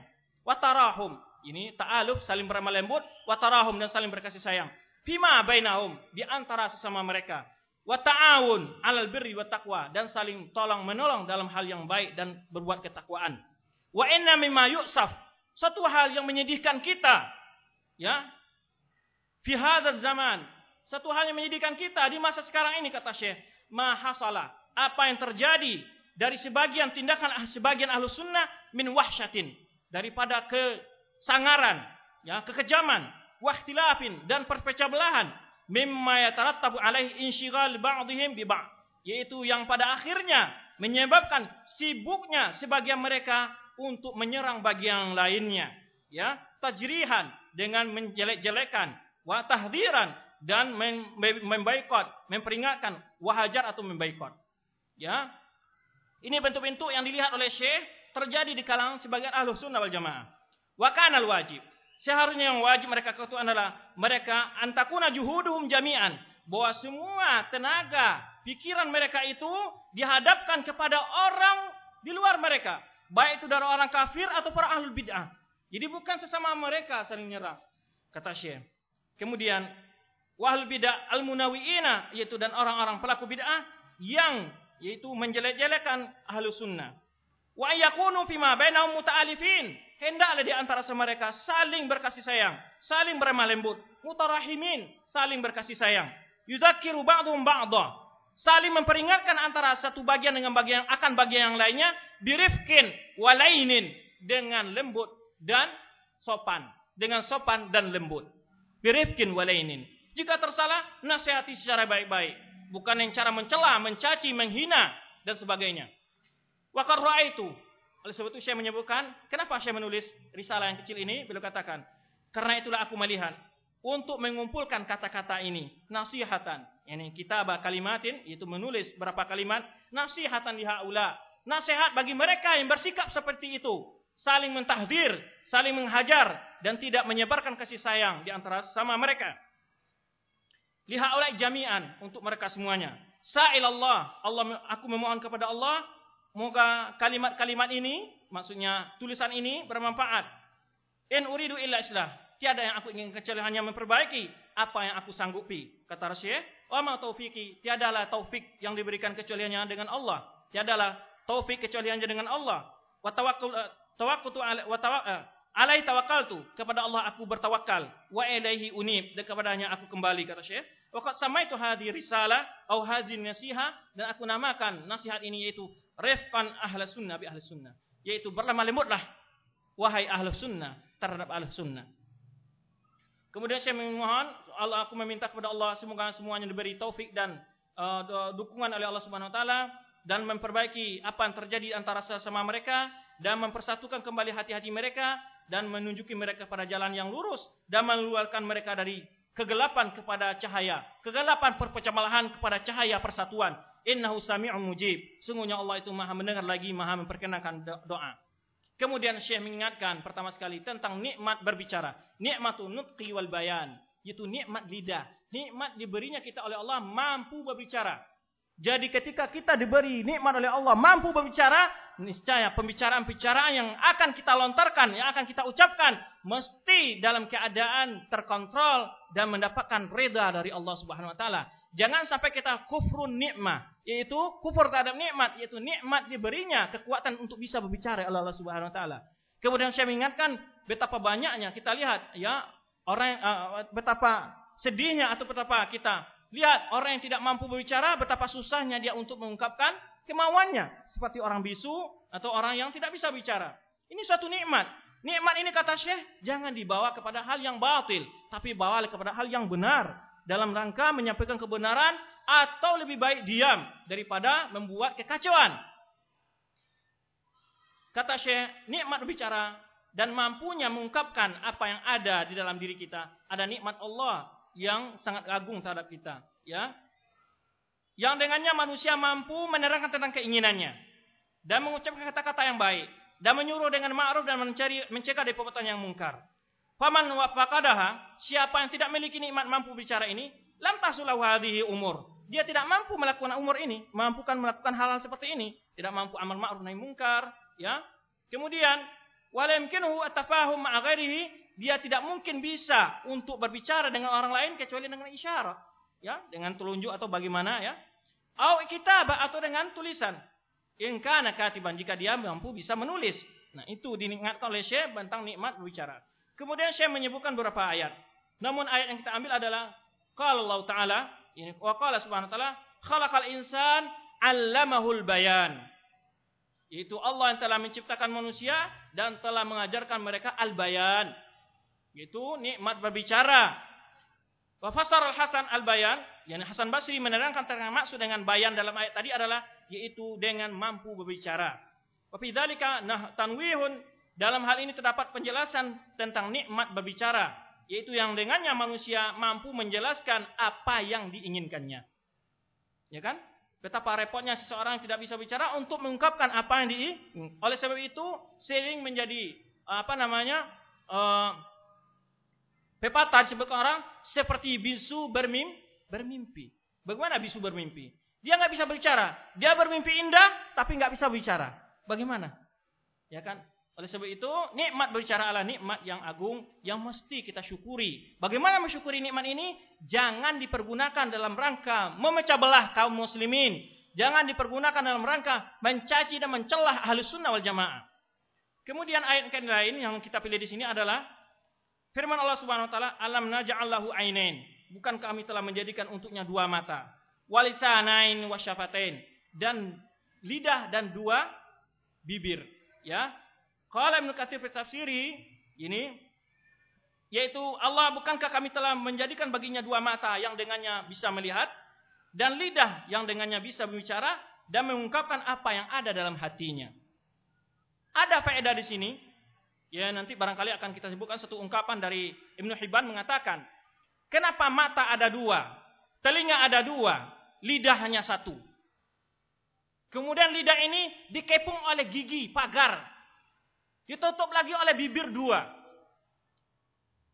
Para ulama menerangkan sebagian. Bahwa kita harus lebih banyak melihat dan mendengar daripada banyak berbicara. berbicara. Agar berbicara tidak sembarang, ditutup lagi dengan gigi, dipagar. Ya, kemudian dengan bibir, Agar lidah jangan sembarang ngomong. Dengar dulu dan lihat dulu. Pastikan. Kalau mau ngomong. Ini di antara faedah disebutkan ulama. Kenapa kita harus punya mata dua dan punya telinga, telinga dua, hanya satu lisan dan lisan pun diletakkan di dalam, di, ditutup dengan gigi, kemudian dengan dua bibir. Agar lisan jangan sampai yaitu berbicara seenaknya, tanpa ada bukti dan tanpa ada kenyataan. Mesti harus ada sudah betul-betul didengar. Lebih banyak mendengar. Dan bisa dilihat dengan mata. Baru lisan mengungkapkannya. Oleh sebab itulah kata Allah inna sama wal uh, innal basara sama wal fuada kullu kana an mas'ula. Allah katakan bahwa pendengar kelihatan dan hati kita akan ditanya nanti.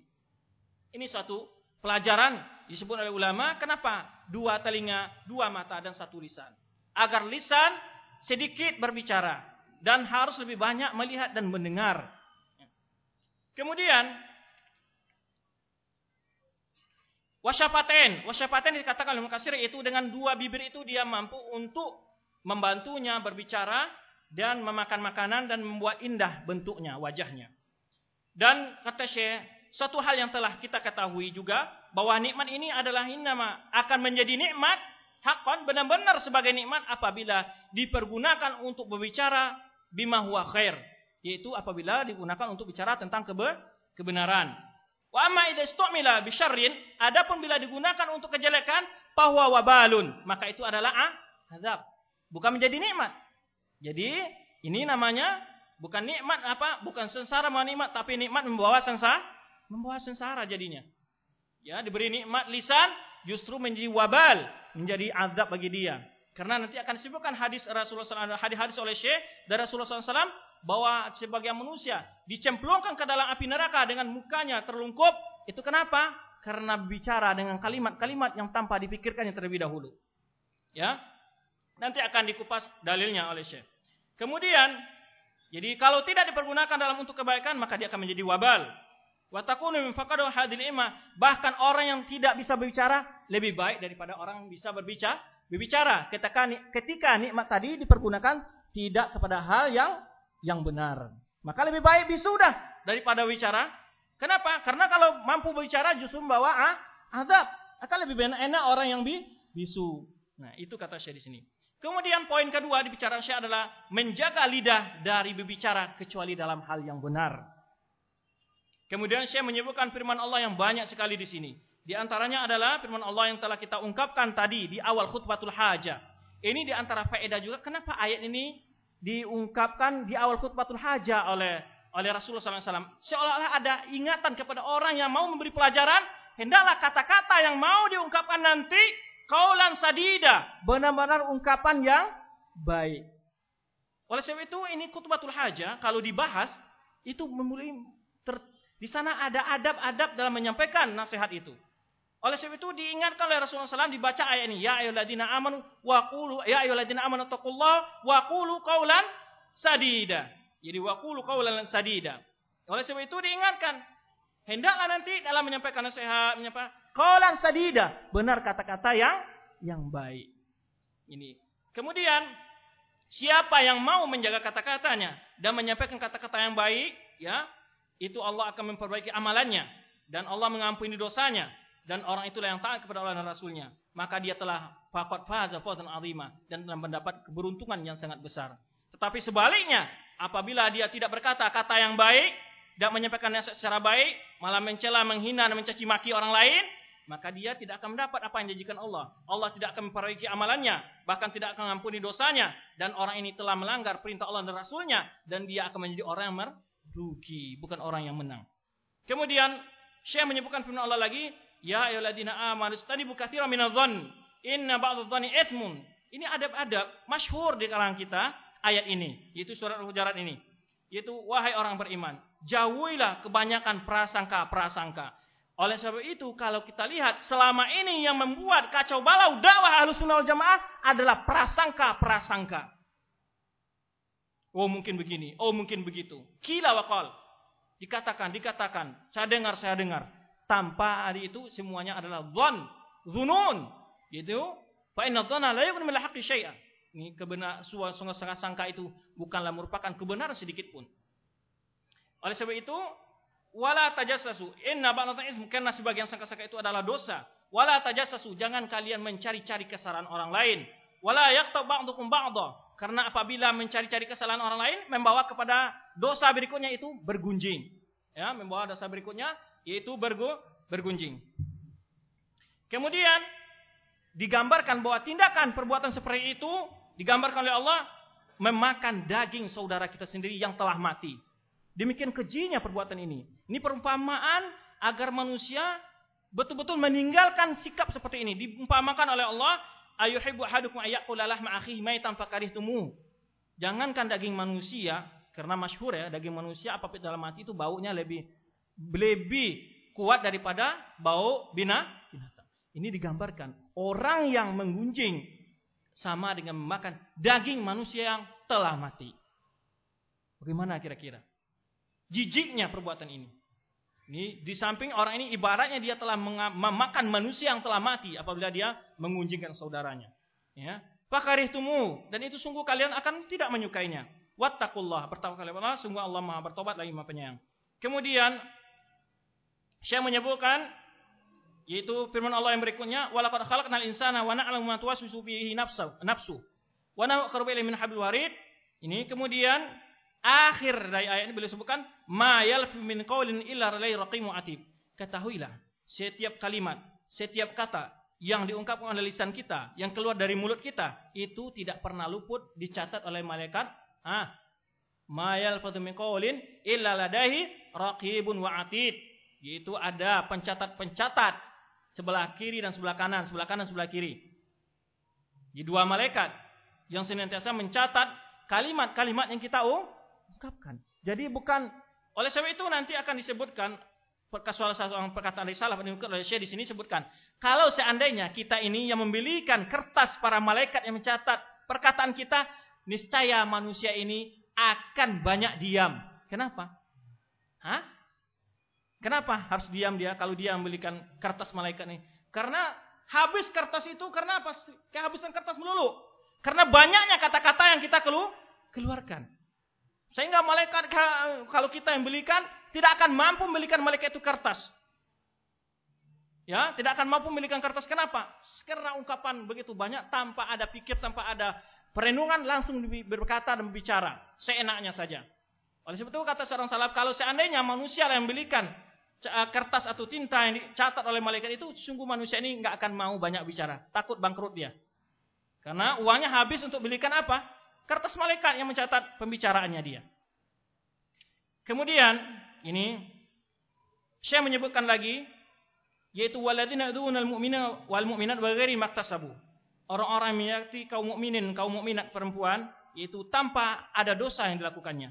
Faqad ihtamalu buhtan atima. Ya, waqad tamalu buhtanan wa itsman mubina. Sungguh dia telah melakukan atau menanggung membawa sebuah kebohongan dan dosa yang nyata. Betapa banyaknya tuduhan-tuduhan tanpa bukti. Fitnah-fitnah yang dilemparkan kepada sama alus sunnah wal jamaah oleh sebagian orang. Ya, sungguhnya orang yang menuduh-nuduh hal seperti ini, yaitu menuduh kaum mukminin, sedangkan hal itu tidak dilakukan mereka sendiri, dituduh dengan pemikiran-pemikiran sesat, pemanya, dengan kelompok-kelompok lain, pemanya. Sedangkan mereka jauh dari hal apa yang dituduhkan, sungguhnya orang ini telah membawa dosa yang nyata dan kebohongan yang nyata. Kemudian ini diungkapkan dalam ayat berikutnya oleh Syekh wala taqma laysa Inna sam'a wal basar wal fuada kullu, kullu ulaika kana anhu mas'ula. Jadi jangan engkau mengikuti sesuatu yang engkau tidak punya ilmu. Jangan ungkapan, jangan berbicara, jangan menyebarkan sesuatu yang tidak pasti, yang kamu tidak punya ilmu tentangnya. Ya karena pendengaran, penglihatan dan hati kita semuanya akan diminta pertanggungjawabannya di akhirat. Ya. Demikian banyak hadis-hadis dan ayat-ayat yang disebutkan oleh Syekh di sini tentang haramnya berbicara kecuali dalam hal yang be, yang benar. Jangan dengan sebuah kalimat yang diungkapkan oleh seorang dai menyebut menyebabkan terpecah belahnya manusia, terjadinya fitnah di kalangan Ahlussunnah wal Jamaah. Ini dosanya sangat besar sekali.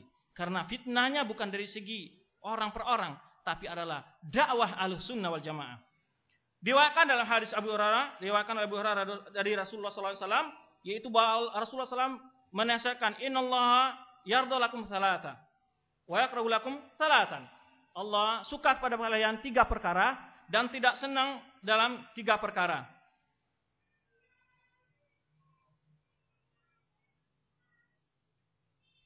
Kemudian apa yang tidak boleh yaitu hal yang dibenci adalah pertama adalah wa yakrahu lakum ini yang pertama ada ya lakum antabudu wal tusyriku syai'a. Allah senang kepada kita apa kita beribadah kepadanya saja dan tidak berbuat syirik kepadanya.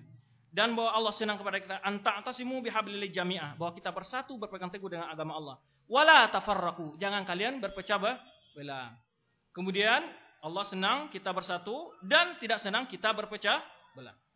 Kemudian wa yakru lakum kila waqal. Allah tidak senang kalian itu kila waqal, menyebarkan isu. Kila waqal dikatakan dikatakan. Ya kila waqal dikatakan orang dan berkata iya lagi. Disampaikan. Oleh sebab itu dalam sebuah hadis katakan bahwa orang yang menceritakan ya suatu perkataan yang dia tahu itu adalah bohong lalu disampaikan bahwa adil katibain maka dia adalah salah orang yang berbohong.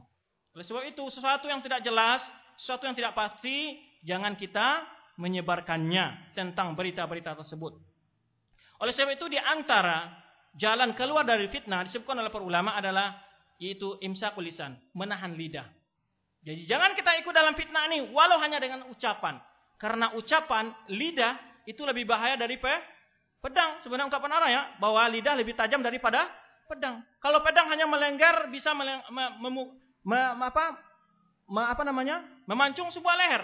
Tapi kalau lisan bukan satu leher, satu negara bisa hancur dengan isu yang sesat. Sekelompok, sekelompok umat manusia bisa hancur karena lisan. Ya, oleh sebab itu bahaya lisan jauh lebih bahaya daripada apa? Pedang. Bahkan dikatakan ulama, timbulnya fitnah pedang ada awalnya dari lisan. Tidak terjadi fitnah kecuali awalnya dari li, lisan. Yaitu berita-berita bohong, isu-isu jelek dan lain-lainnya. Kemudian, wakas ratus soal wa idatul mal. Dan Allah tidak senang kita banyak, terlalu banyak bertanya-tanya suatu hal yang tidak ada faedahnya atau menyia-nyiakan harta. Kemudian banyak lagi hadis-hadis yang berkata Syekh. Di antara hadis yang lain adalah diwakilkan oleh Bukhari dalam Sahih dari Abdullah bin Amru.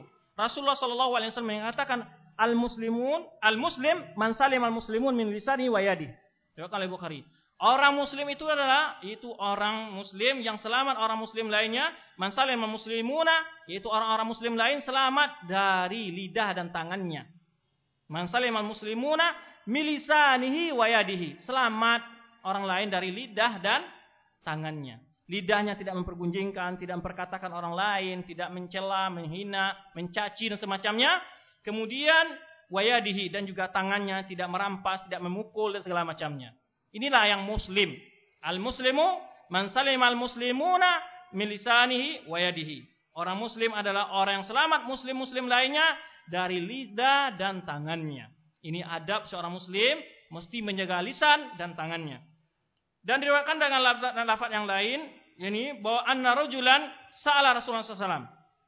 Bahwa seorang bertanya kepada Rasulullah SAW yang diriwayatkan dalam riwayat Muslim, ayul muslimina khairun? Siapa orang muslim yang terbaik?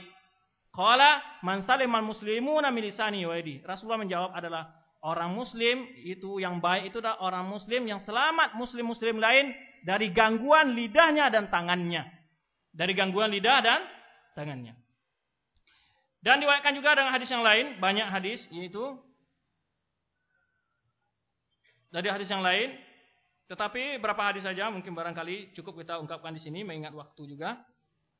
Kita pilih hadis-hadis yang itu ya untuk kita ingat-ingat dalam kehidupan kita agar kita tidak terjatuh ke dalam fitnah, banyak ngomong bahkan menimbulkan fitnah dalam dakwah ini. Di antaranya adalah dari Rasulullah SAW Man yadmanu li ma baina lihi wa ma baina rijlai lahul jannah. Rasulullah SAW diwakilkan oleh ini dari oleh Sahal bin Sa'ad dari Rasulullah SAW bahwa beliau berkata, siapa yang mau menjamin kepadaku apa yang di antara dua kumis dan jenggotnya. Lihya ini maksudnya kumis dan jenggotnya, maksudnya lidahnya. Yang mampu menjaga jidahnya dan kemaluannya, aku akan jamin untuknya surga kata Rasulullah SAW. Hadis yang masyhur lagi yang diwakilkan oleh Bukhari ini dan Muslim dari hadis Abu Hurairah dan anhu ya man kana yu'minu billahi wal yawmil akhir falyakul khairan aw liyasmut orang yang benar-benar beriman dengan Allah dan hari akhir hendaklah dia mengucapkan kata-kata yang baik atau lebih baik di diam diam yang banyak menimbulkan perpecah belahan di kalangan para dakwah adalah yaitu banyaknya yang berbicara ketika ada perbedaan pendapat di antara kalangan-kalangan ustadz yang ikut mengompori, yang ikut menyebarkan fitnah adalah para murid-murid. Kila wakal, dikatakan dan dikatakan. Itu lebih baik kita diam. Karena saya contohkan, apabila ada perpecah belahan atau ada perbedaan pendapat di kalangan para ustadz, yang harus menyelesaikan adalah ustadz sama ustadz atau orang yang berilmu dari ustadz. Bukan murid-muridnya yang ikut ah, mengompori, yang memanas-manasi persoalan. Sehingga terjadi fitnah yang membakar dakwah ini. Kemudian, itu barangkali ini beberapa hal yang dapat kita ungkapkan di sini tentang wajibnya menjaga perkataan kecuali hal yang baik. Jadi wajib menahan lisan, wajib menjaga lidah dari berkata kecuali dalam hal-hal yang yang baik. Ini perkataan Ibnu Hibban ini sangat indah sekali. Berapa kata Ibnu Hibban di, dinukil oleh Syekh di sini dalam kitab Rodatul Aqala wa Nuzatul Fudala. Ini kitab yang indah dan kata-katanya sangat bagus sekali. al-wajib al-aqil. Suatu kewajibanlah bagi kewajibanlah bagi orang yang memiliki akal bahwa mereka itu yalzimu asub bahwa dia itu senantiasa diam sampai ada waktu yang dia wajib untuk berbicara. Betapa banyaknya orang yang banyak berbicara ya nadi nataqa yaitu menyesal setelah berbicara. Banyak orang yang telah berbicara menyesal setelah berbicara. Kemudian wa aqalu man yandam dan sangat sedikit orang yang menyesal apabila dia di diam. Ya, alangkah baiknya saya tidak beritahu si pulan. Alangkah baiknya saya tidak menyampaikan hal ini. Jadi menyampaikan membuat fit fitnah. Wa atwalun nas syaqaan wa adamuha bala'an orang yang paling menderita, yang paling celaka, orang yang paling besar ujiannya adalah orang yang diuji dengan lidah yang apa namanya? lidah yang lancang. Itu lidah yang lancang. Ini orang yang paling menderita. Kemudian wafuadin mutabbak, hati yang buta. Manusia yang panjang penderitaannya adalah orang memiliki lidah yang lancang dan hati yang buta. Berkata lagi Nuhiban, ini al-wajib alal aqil. Sungguhnya kewajiban bagi orang memiliki akal. Ayun sifat uzunai min fihi. Ini bahwa dia itu lebih banyak mempergunakan telinga dua telinganya daripada mulutnya. Wa ya'lam annahu innama ju'ilat lahu uzunan. Ini ungkapan Ibn Hendaklah dia ketahui kenapa dijadikan baginya dua telinga dan satu mulut? Kenapa? Karena dia harus lebih banyak mendengar daripada banyak berbicara. Berbicara. Li'anau idza qala rubama nadib. Karena seseorang itu apabila dia bicara, boleh jadi dia akan menyesal. Wa idza lam yaqul lam yandam. Tapi apabila dia tidak berbicara, dia tidak akan menyesal. Wa wal aradi malam yaqul aqdar minhu ala radi maqal. Sesungguhnya orang mencabut pembicaraan sesuatu yang belum diungkapkannya atau me, me, me, mengurung niat yang mau dibicarakannya lebih baik daripada mencabut lagi ungkapan yang telah pernah diungkapkan. Sangat sulit. Sangat su sulit. Ya, lebih baik kata Ibnu Hibban itu lebih mudah menyimpan sesuatu yang ada masih belum diungkapkan daripada menarik sesuatu yang telah diung diungkapkan. Ini hati-hati kita sebelum berbicara. Kemudian wal kalimatu idza takallama biha malakatuhu. Kata Ibnu Hibban, seseorang apabila mengungkapkan kata-kata, kata-kata tadi telah mengikatnya. Malakatuhu. Tetapi apabila dia tidak berbicara, maka dialah yang mengikat pembicara perkataan tadi. Karena perkataan itu belum tersimpan. Tapi apabila perkataan itu telah tersebar, dia sudah menjadi apa? Dipegang oleh perkataannya itu. Ya. Kemudian disebutkan lagi oleh Nuhban, lidah orang berakal yaitu berada di belakang hatinya. Ya. Apabila dia ingin berbicara, dia pertama sekali mengembalikan kepada hatinya. Berpikir dia ini baik atau jelek atau bagus atau tidak. Berbicara dia kalau orang berakal. Jadi, fa'in kana lahu. Jika itu adalah baik baginya, maka dia berkata. Wa illa pala, maka jika itu tidak menimbulkan kebaikan, maka dia tidak berbicara, tidak berbicara. Wal jahil, adapun orang yang bodoh, qalbuhu fi tarafi lisanihi, hatinya di ujung lidahnya. Jadi semua yang ada dalam perutnya, apa yang keinginan terbayang, semua yang ingin dikatakan, dikatakan semua oleh dia. Ini adalah orang jahil. Ma'ata ala lisani. Semua kalimat yang mau dikatakannya, dikatakannya. Ya. Wa ma'akila adinahu walam yahfadz lisahu. Ini Orang yang tidak menjaga lisannya, sungguh dia tidak mampu menjaga agamanya. Ya, ya orang tidak akan mampu, ini orang tidak akan memegang agamanya, orang yang tidak mampu menjaga lisannya. Kemudian hadis lain ya tentang peringatan akan kita bicara tentang hal yang baik saja. Innal abda dari hadis yang Rasulullah SAW dari Bukhari dalam Sahih Bukhari dan Muslim ini Innal abda sungguh seseorang la yatakallam bi kalimah mengatakan sebuah kata-kata. Ma yatabayyanu ma fiha. Dia tidak memahami apa akibat yang akan ditimbulkan oleh kata-kata yang disebut. Apakah ini berdosa, apakah ini salah, apakah ini boleh atau tidak. Dia enggak memikirkan. Yang penting berbicara. Yahwi biha fin nari ab'ada ma bainal masyi wal maghrib. Yang dia dicampakkan ke dalam neraka, ya. Yang dia dicampakkan ke dalam neraka yaitu yang dalamnya jauh di antara timur dan barat. Demikian jauhnya azab yang diterima oleh orang ini. Ini waktunya tinggal lima menit. bukunya baru sampai ya sampai jam berapa? Apa habis jam 11 sudah azan?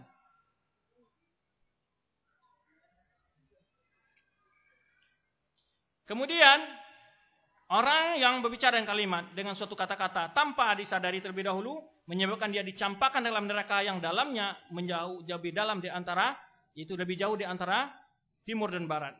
Dan juga dari hadis yang disebutkan wasiat Rasulullah kepada Muaz, wal yakubun nas bin nari illa ala wujuhim aw ala manakhirihim illa asadi asanatihim. Tiadalah yang membuat manusia tergelimpang di dalam neraka atau terlungkup di atas wajahnya di dalam neraka ya kecuali karena apa? Hasaidu alsinatihim. Apa hasaid? Yaitu adalah tunai dari ungkapannya. Apa namanya? E, menunai. Apa namanya? Buah. Buah dari lidahnya. Hasaidu buah dari lidahnya. Jadi buah lidahnya berbuah. Berbuah apa? Berbuah dosa, bukan berbuah paha, pahala. Sehingga menyebabkan dia digelimpangkan, ditelungkupkan dalam api neraka. Dan banyak lagi hadis-hadis dalam hal ini yang uh, diungkapkan oleh mu'alif tentang ini Barangkali itu baru tentang hal memelihara lidah.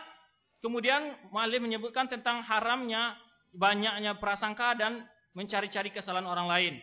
Ini barangkali hadis-hadis tadi sudah sebut juga, sempat juga kita bahas tentang hal itu, tentang keharamannya. Namun, tentang hal judul dari buku sendiri yaitu Arif Kulain, lemah lembut, ya, santun dan lemah lembut.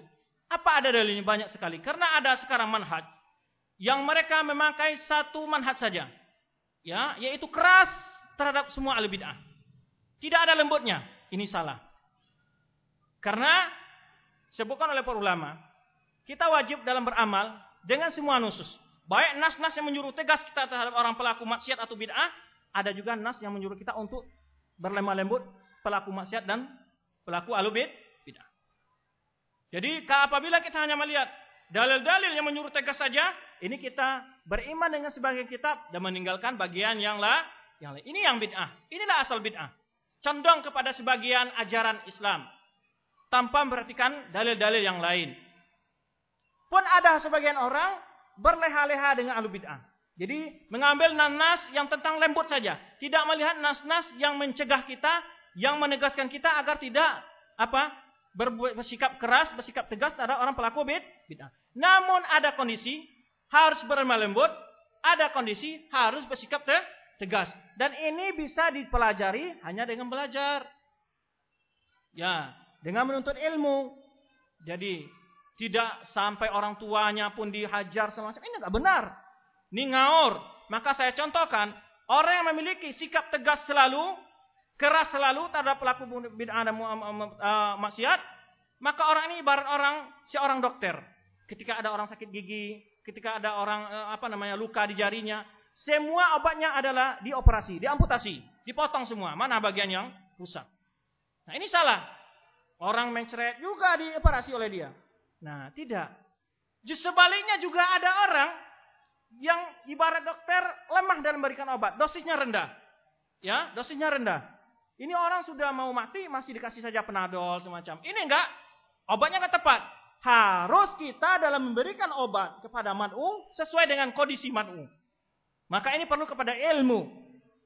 Ya, tidak keras melulu atau lembek melulu.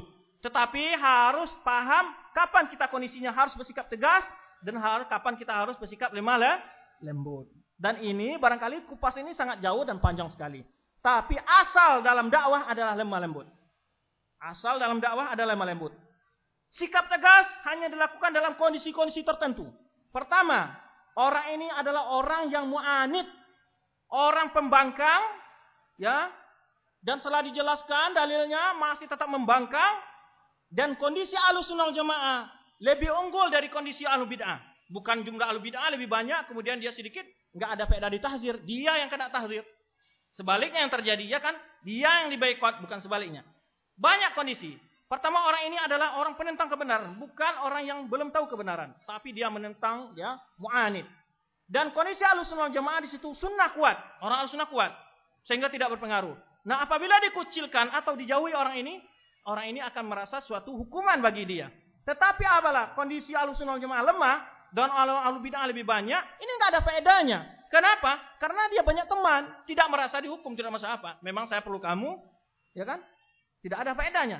Oleh sebab itu, maka kita harus mengikuti hal ini kepada sunnah Rasulullah SAW. Jangan mengambil sebagian sunnah, meninggalkan sunnah yang lah, yang selain. Yang apalagi tahziran itu, kekejaman itu, yaitu perpecah cacian, makian itu ditujukan kepada sesama halusun sunnah. Ini sangat keliru lagi. Ya, sangat keliru lagi. Kemudian dalil-dalil tentang lemah lembut banyak sekali. Seperti telah kita ungkapkan dari awal mukadimah tadi, banyak dalil yang menurut kita untuk berlemah lembut. Kita pilih di sini hadis-hadis yang belum kita singgung dari awal uh, pembahasan kita tadi. Jadi pertama adalah hadis tentang seorang Arabi buang air kecil di masjid Rasulullah SAW. Para sahabat menghardik orang ini.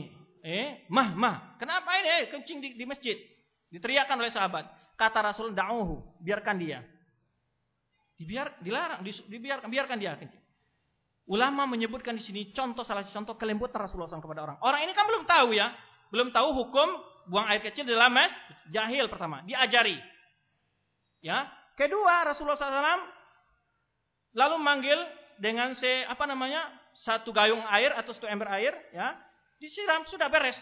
Jadi apabila kemungkaran bisa di, di, dihilangkan dengan cara yang mudah, jangan menimbulkan kemungkaran yang sulit apa? Kalau seandainya orang kencing ini lari di tengah masjid, kencingnya akan bertebaran sepanjang masjid, maka untuk membersihkan sangat payah lagi. Susah membersihkannya. Kencingnya tebaran. Ya kan? Karena dia harus lari, ya kan? Subhanallah. Rasulullah SAW dalam terdia, dalam dakwah beliau, banyak pelajaran-pelajaran yang sangat dalam sekali untuk kita ambil. Kemudian juga di akhir hadis itu karena sikap Rasulullah begitu lembut, dia katakan, "Ya Allah, beri rahmatlah aku dan Muhammad. Jangan beri rahmat orang yang lain." Kenapa? Karena melihat sikap Rasulullah untuk memuji sifat Rasulullah yang begitu. Tapi Rasulullah SAW lakukan hajar tawasya. Jangan ditegur lagi Rasulullah SAW. Jangan berdoa begitu. Kamu telah menyempikan sesuatu yang luas. Karena rahmat Allah adalah luas. Ditegur lagi Rasulullah SAW. Jadi oleh sebab itu kita di dalam berdakwah perlu memiliki hikmah, ya ilmu dan hikmah. Jadi bukan hanya ilmu tapi juga hikmah bukan bukan bukan hikmah tanpa ilmu karena tidak mungkin ada hikmah kecuali dengan ilmu. Tapi ilmu kadang-kadang memang tidak diiri hikmah menambahkan menyebabkan berbahaya. Kemudian hadis yang masyhur sekali dari Aisyah. Ada orang Yahudi diwakilkan oleh Imam Bukhari ini dari Aisyah. Orang Yahudi datang kepada rumah Rasulullah SAW. Apa katanya? Assalamu alaik. Samu itu adalah yaitu kematianlah atasmu. Itu doa ini celaka yang diberikan oleh orang Yahudi kepada Rasulullah. Mendoakan Rasulullah supaya dapat celaka. Rasulullah menjawab waalaikum. Lalu Aisyah tidak mendengar jawaban Rasulullah SAW ini. Aisyah menjawab apa? Waalaikumsalam wa la'nah. Aisyah menambah la'nah. Ya. Terdengar oleh Rasulullah kepada Rasulullah, mahlan ya Aisyah. Inna Allah rifqa wa yuhibbur rifqa, yuhibbur rifqa fil amri kulli. Rasulullah melarang Aisyah, malah tak melarang orang Yahudi. Ya, Rasulullah menyatakan Aisyah, mahlan, eh pelan-pelan, jangan begitu. Ya, Lalu Aisyah berkata, "Ya Rasulullah, ala mayakul, mayakulun?" Kamu tidak dengar ungkapan mereka tadi Rasulullah? Saya dengar kata Rasulullah, apa jawab Rasulullah? Waalaikum. Rasulullah pendek lagi dari apa yang dikatakan oleh orang Yahudi. Waalaikum dan di atas kalian.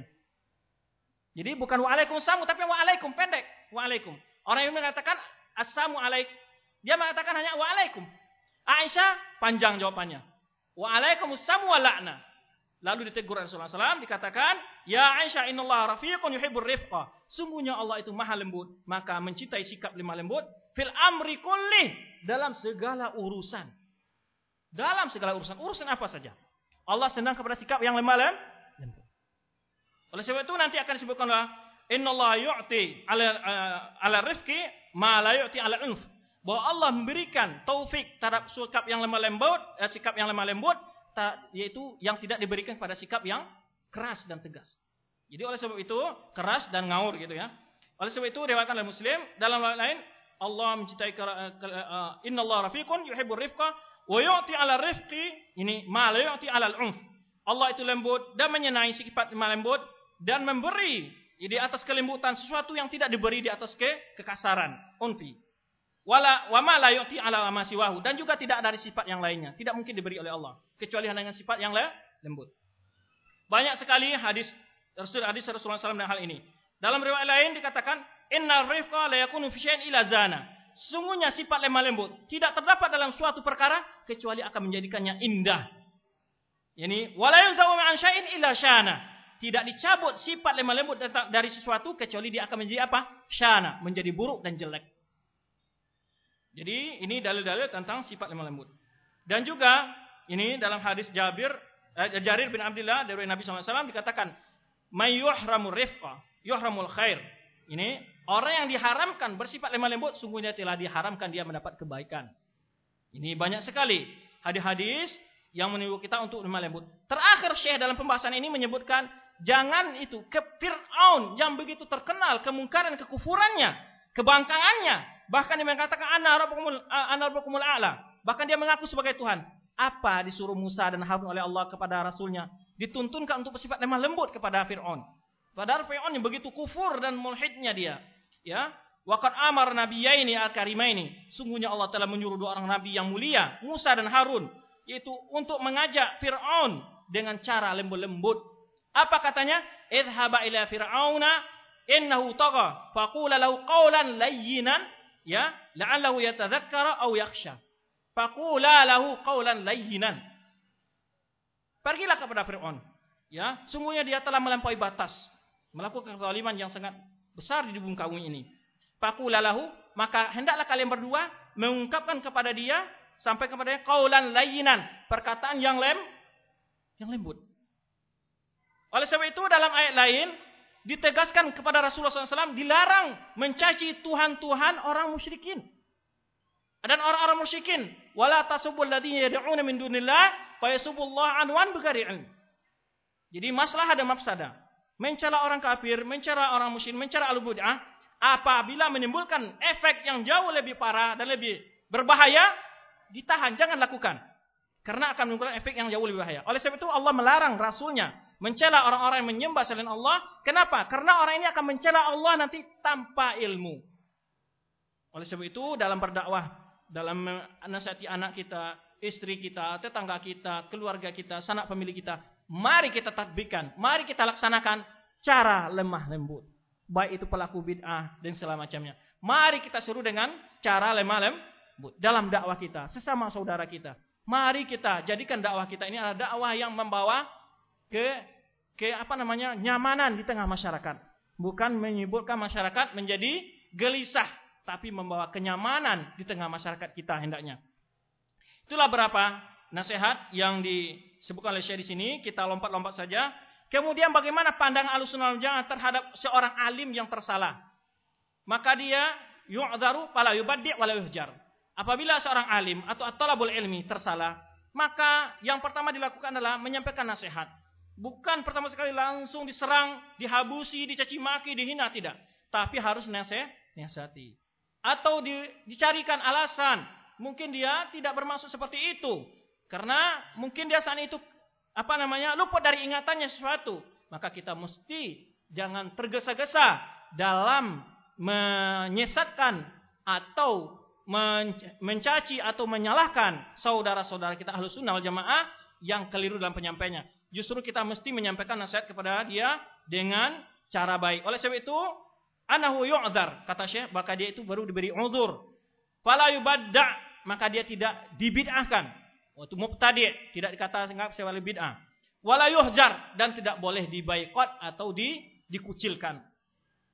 Karena kata Syekh, tiada isma yaitu yang maksum itu hanyalah Rasulullah SAW. Adapun manusia tidak semuanya memiliki kesalahan. Bahkan sahabat sekalipun di antara mereka pernah terjadi yaitu apa namanya uh, pertengkaran atau perselisihan sesama mereka. Oleh sebab itu kata Rasulullah SAW walata sebuah ashabi. Ini sebab dari sebuah peristiwa ya, dua orang sahabat yang saling apa ada perselisihan di antara keduanya. Nah, oleh sebab itu maka Apalagi orang-orang yang baru belajar, apalagi baru-baru mengetahui ilmu, akan banyak kesalahannya. Oleh sebab itu mesti kita memberikan ini dukungan, dukungan kepada dia. Jangan langsung kita apa namanya hancurkan dan kita uh, hina dan kita caci dia.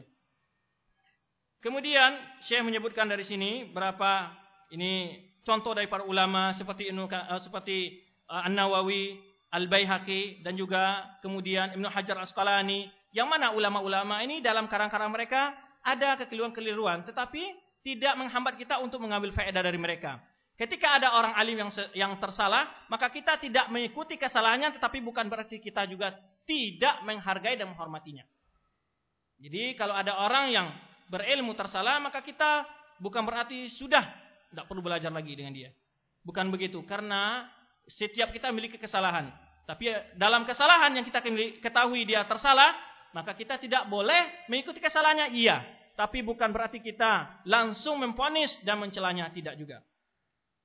Kemudian banyak lagi ini apa namanya contoh-contoh yang disebutkan oleh Syekh di sini barangkali bagi yang memiliki buku akan bisa dibaca sini. Cuman kita mengingatkan saja poin-poin penting ini uh, apa yang dinasihatkan oleh Syekh di sini dalam fitnah dakwah yang menimpa sebagian dakwah Ahlussunnah wal Jamaah. Ini. Kemudian di antara ungkapan di sini beliau sebutkan adalah ini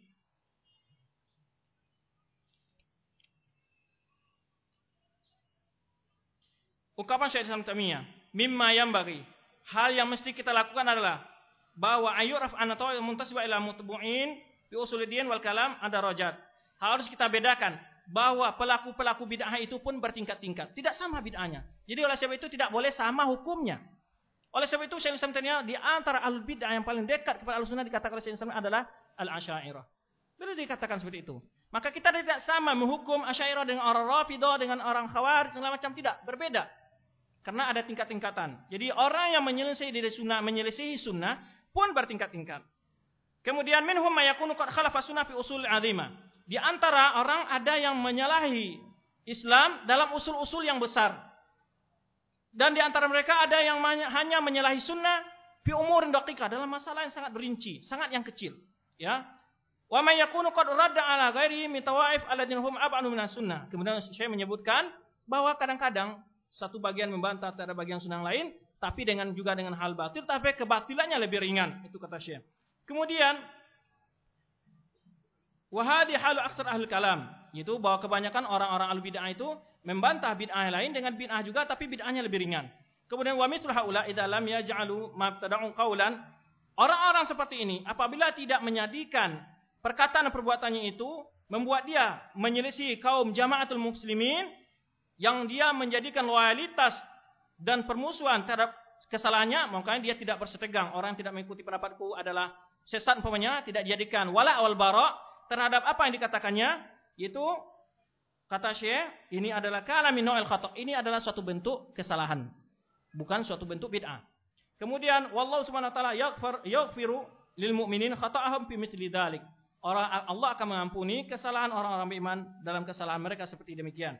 Walihada, kemudian Syekh menyebutkan waqa'a fi mithli hadza kasir minan salafin ummah. Hal seperti ini banyak terjadi di kalangan para ulama-ulama ummah sebelum ini, ulama terdahulu. Lau maqalat qaluha, yaitu ada ungkapan-ungkapan yang mereka ungkapkan secara istihad. Memeda, itu menyalahi kitab dan sunnah. Jadi, tapi tidak dibid'ahkan. Kenapa? Karena mereka tidak tahu dalilnya dan mereka bicara secara istihad. Kemudian bikhilafi man wala muwafaqum. Berbeda dengan orang menjadikan. Jadi dia loyalitasnya kepada orang yang sesuai pendapat dengan dia dan memusuhi orang yang tidak sesuai dengan pendapatnya. Wa farraqa bainal jamal muslimin dan mereka memecah belah jamaah kaum muslimin. Wa kafara wa fasaka mukhalifahu dan dia memfasikan mengkafirkan orang yang tidak sesuai dengannya. Dan orang yang sesuai dengannya dalam hal-hal ini dia dia tidak me, dia hanya berkumpul meloyalitas kepada orang yang mau menerima pendapatnya. Adapun orang yang tidak sesuai dengan pendapatnya oleh dia, wadah dikucilkan, dihina dan dicaci dan makin. Ini sudah suatu bentuk bid'ah seperti ini kata Syekh. Selama itu tidak dilakukannya, tidak menjadikan perkataannya atau pandangannya itu sebagai hal yang wajib diterima oleh orang, itu tidak menyedihkan, itu sebagai hal yang menyelisih sunnah kata Syekh. Karena boleh saja dia istihad dari dia. Jadi duna muwafiqah fi masal ara wal istihad dalam hal masalah-masalah yang istihadiyah. Kemudian bahkan ada sampai orang menghalalkan orang yang berbeda pendapat dengannya darahnya itu bisa membunuh dan segala macamnya. Paula min ahli tafarruq. Orang yang sikapnya seperti ini, orang yang tidak mau sesuai pendapat dengan dia lalu dibunuh atau dicela dan makikan, ini kata Syekh ini adalah ciri orang-orang yang min ahli tafarruq wal ikhtilaf. Ini bentuk pelaku-pelaku orang pemecah belah umat. Kemudian beliau sebutkan wa katsir min mutahidis salaf. Kebanyakan daripada ulama-ulama mustahidin mustahid dari para kalangan salaf dan orang dan ulama-ulama yang terkemudian qalu wa fa'alu ma huwa bid'atun. Kadang-kadang mengungkapkan perkataan bid'ah atau melakukan bid'ah. Ya, walam ya'lamu. Karena hal itu dilakukan apa? Karena dia tidak tahu bahwa itu bid'ah. Jadi beliau mengatakan dia mengamalkan itu bukan karena itikadnya bid'ah, tapi dia belum tahu dalilnya, belum mengerti. Maka oleh sebab itu, kata Syekh, dia melakukan hal seperti itu mungkin karena belum tahu hal itu adalah bid'ah. Emma karena hadis do'if, atau karena hadis do'if dia mengamalkan. Atau, jadi dia menganggap hadis itu sahih. Atau karena ayat-ayat yang dia pahami, sesuatu yang tidak ditunjukkan oleh ayat tersebut. Dia memahami sebuah ayat atau hadis, salah dalam memahaminya. Nah ini yang maksud oleh Syekh. Maka ini tidak boleh ditahzir karena dia hal itu dulu bukan dalam rangka sengaja menyala, sengaja untuk melangkahi sunnah atau menyalahi sunnah. Wa imma ra'in fil mas'alah nususun lam yabtablughum atau dia berbicara dalam suatu masalah yang dia dalilnya tidak sampai kepadanya. Dia berbicara sebatas dalil yang sampai kepadanya. Rupanya ada dalil yang lebih khusus dalam masalah tersebut tapi nggak sampai kepadanya. Sehingga dia mengungkapkan suatu hukum berbeda dengan dalil yang konteks dalam masalah tersebut. Ini bentuk-bentuk istihad kata Syekh. Syekh Islam Taimiyah. Kemudian, wa idza taqar rajul rabbahu, apabila seorang benar-benar bertakwa kepada Allah, mastata' sesuai dengan kemampuannya, dakhala fi qaulihi ta'ala, dan ini masuk ke dalam firman Allah, Rabbana la tu'akhidna in nasina aw akhtana. Ya Rabb kami, jangan engkau ambil kami, jangan engkau azab kami dengan apa yang kami lupa dan kami yang tersalah.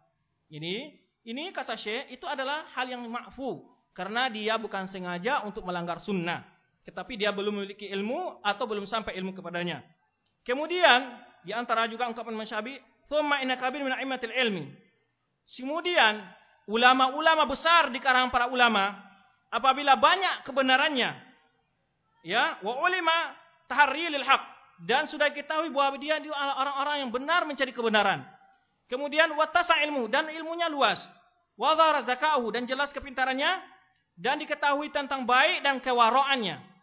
Ya, yukfaru zallahu, zalalahu. Jadi hal ini adalah diampuni tentang kesalahan-kesalahannya.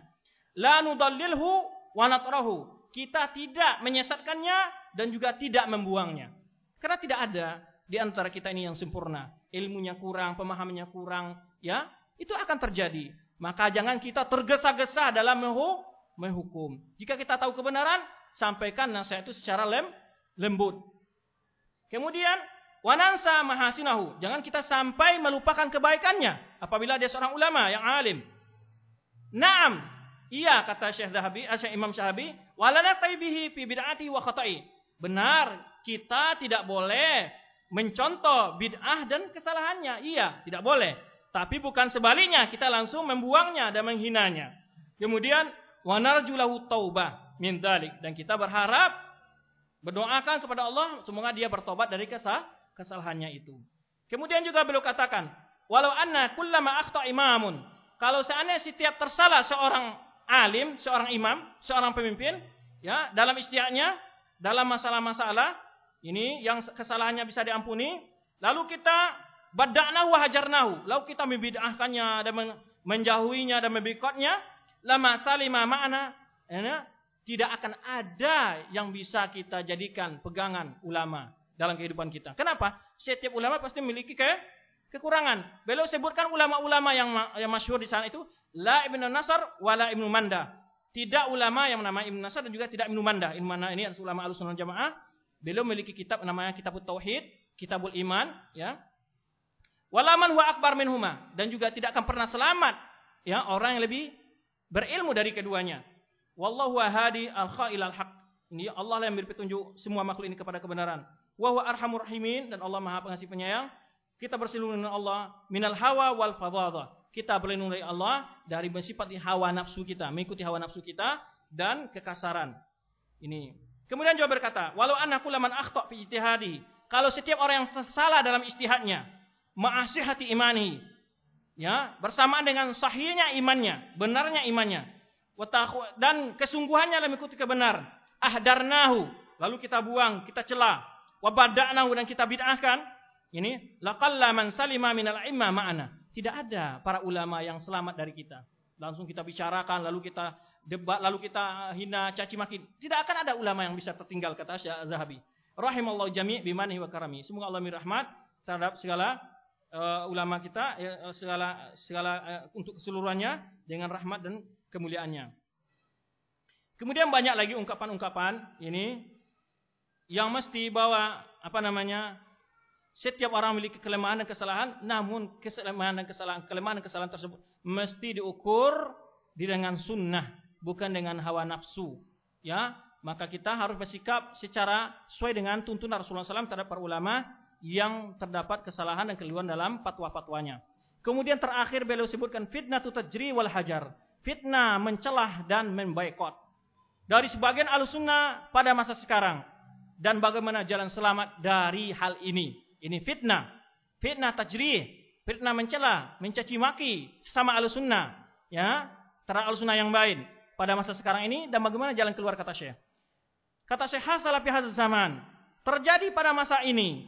Sibuknya sebagian al-sunnah wal jamaah terhadap bagian yang lain. Mencelah dan mentahzir. Ya, mencela dan mentahzir.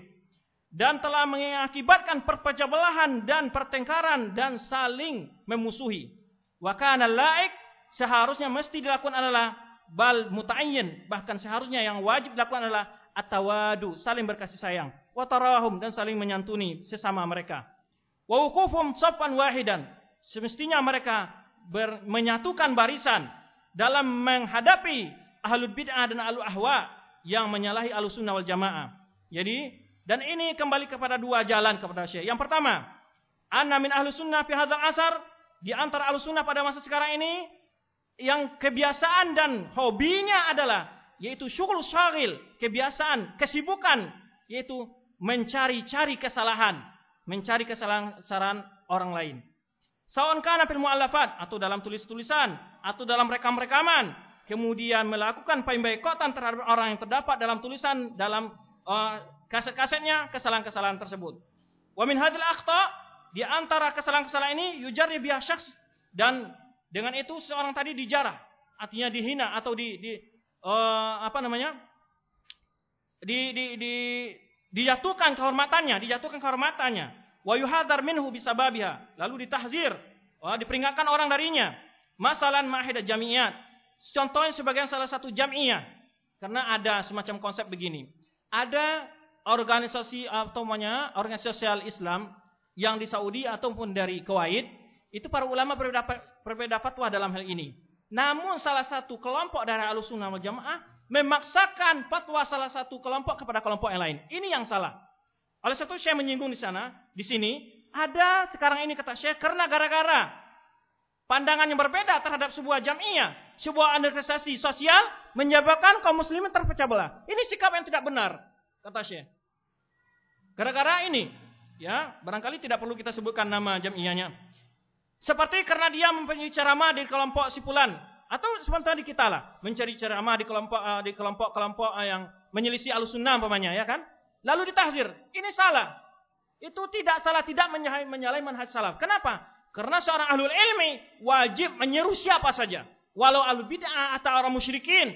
Sebagaimana Rasulullah sallallahu alaihi wasallam di waktu musim haji di masa Makkah masih di dalam waktu Makkah beliau pergi ke tenda-tenda orang musyrikin untuk mengajak orang kepada is Islam. Kalau kita tidak mengajak orang ahlu bid'ah, siapa yang mau menjadi ahlu sunnah? Kalau tidak kita mengajak orang-orang musyrik, siapa yang mau menjadi masuk Islam? Ada sekarang ini orang yang picik dalam memahami masalah ini, sehingga mereka menyalahi para ustaz-ustaz yang beri ceramah, yang mengajar di pondok-pondok, yang memberi nasihat kepada orang-orang menyalahi sunnah, dianggap, oh ini sudah bekerja sama dengan ahlu bid'ah. Ini suatu sikap menyebabkan fitnah besar dalam dakwah ahlu sunnah wal jamaah. Bukan hanya di Indonesia, bahkan di berbagai penjuru dunia. Oleh sebab itu Syekh di sini.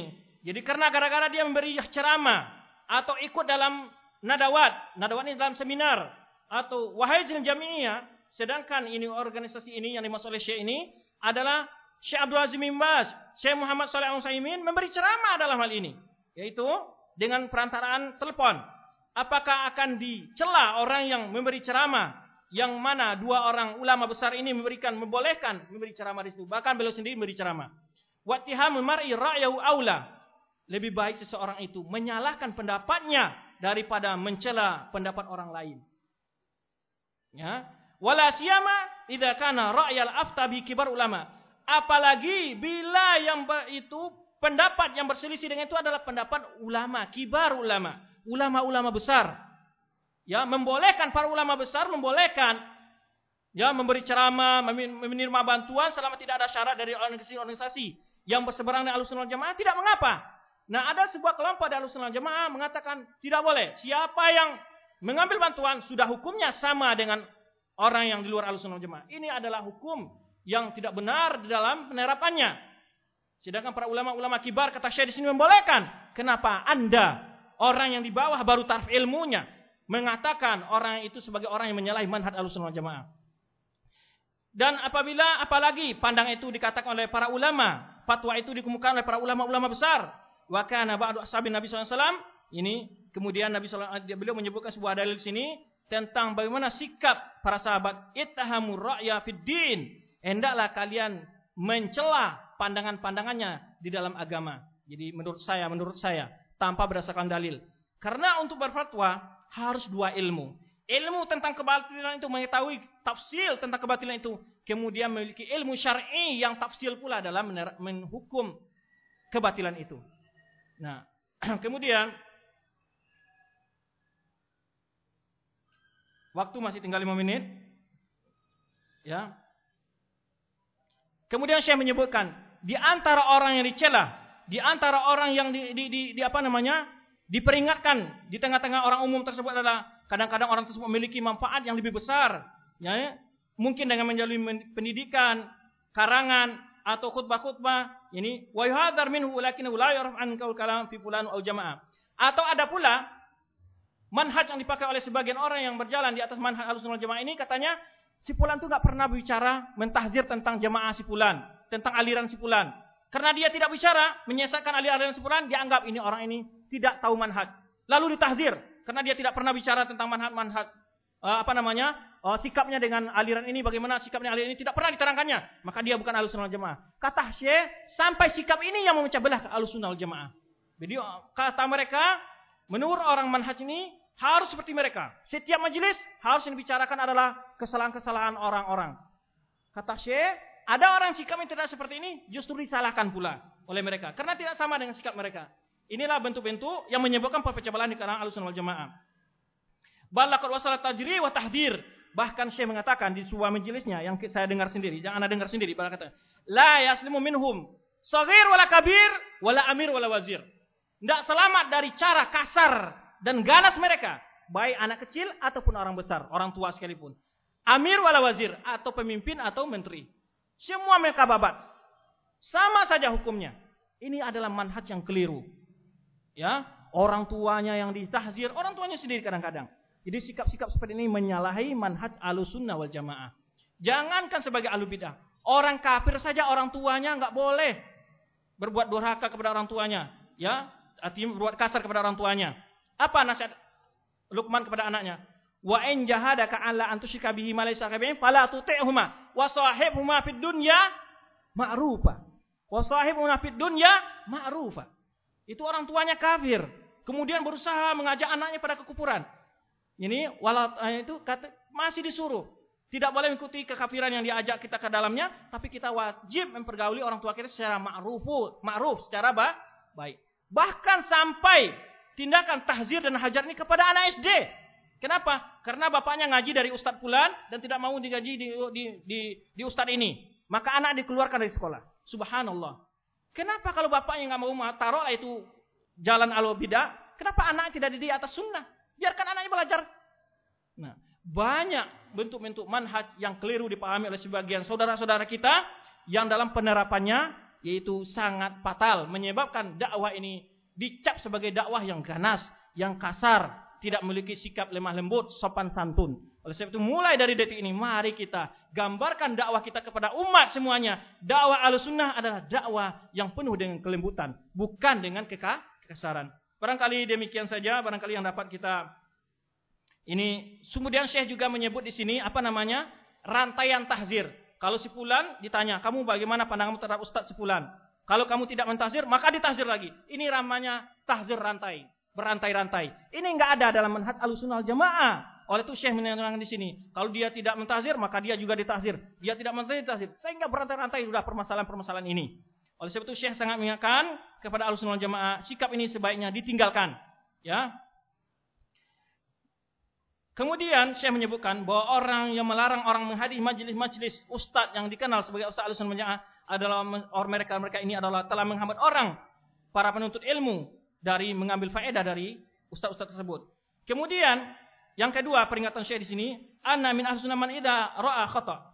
Kemudian di antara al-sunnah yang kadang-kadang melihat kesalahan di ustadz yang lain, lalu langsung membantahnya di hadapan umum, menyebarkan kesalahannya. Ini juga bukan sikap yang baik. Tapi sampaikanlah nasihat secara baik-baik kepada ustaz tersebut. Mudah-mudahan. Apalagi berbicara di internet dan segala macamnya. Kalau kita katakan di internet itu berapa banyak celaan dan makian-makian terhadap ustaz-ustaz. Subhanallah. Ini selama ini di ungkapan tulisan ini akan menjadi dosa bagi dia. Bahkan sebagian ustaz-ustaz yang di kesalahan yang mereka sebutkan itu sudah lama meninggalkan kesalahan-kesalahan itu walaupun mereka sebelumnya keliru mungkin karena belum sampai ilmu dan keterangan kepada mereka tetapi sekarang masih tetap mereka pampangkan tulisan-tulisan mereka di internet dalam mencela dan menghina ahli sunnah wal jamaah. Ini sebuah sikap tidak bijak yang mereka lakukan.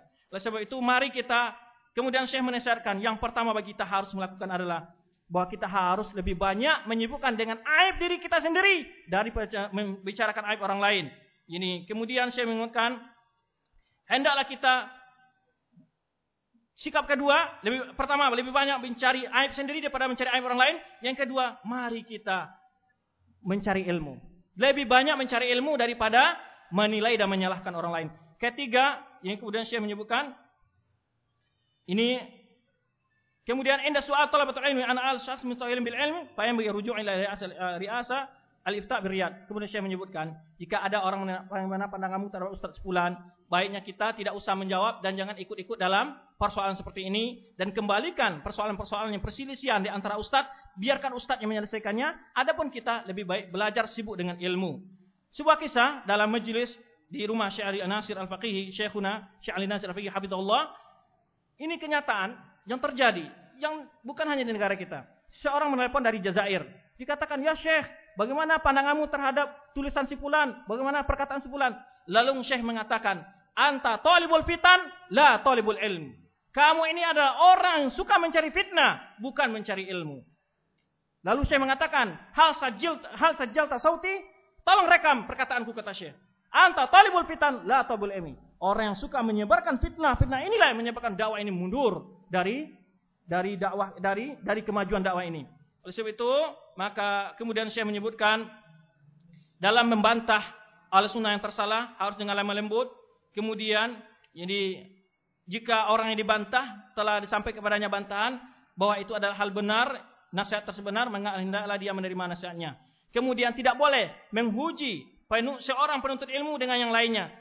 Ya, bahwa harus memiliki mokif dengan pulan. Kalau kamu tidak, kamu ke mana? Ustaz ini atau Ustaz pulan? Kalau kau Ustaz Fulan jangan hadir majlis ini. Kalau Ustaz Fulan jangan hadir ini. Ini ujian-ujian seperti ini adalah bentuk bid'ah baru kata Syekh. Gitu, ini yang harus kita hindari. Oleh sebab itu, barangkali itulah apa yang dapat kita sampaikan dalam ini.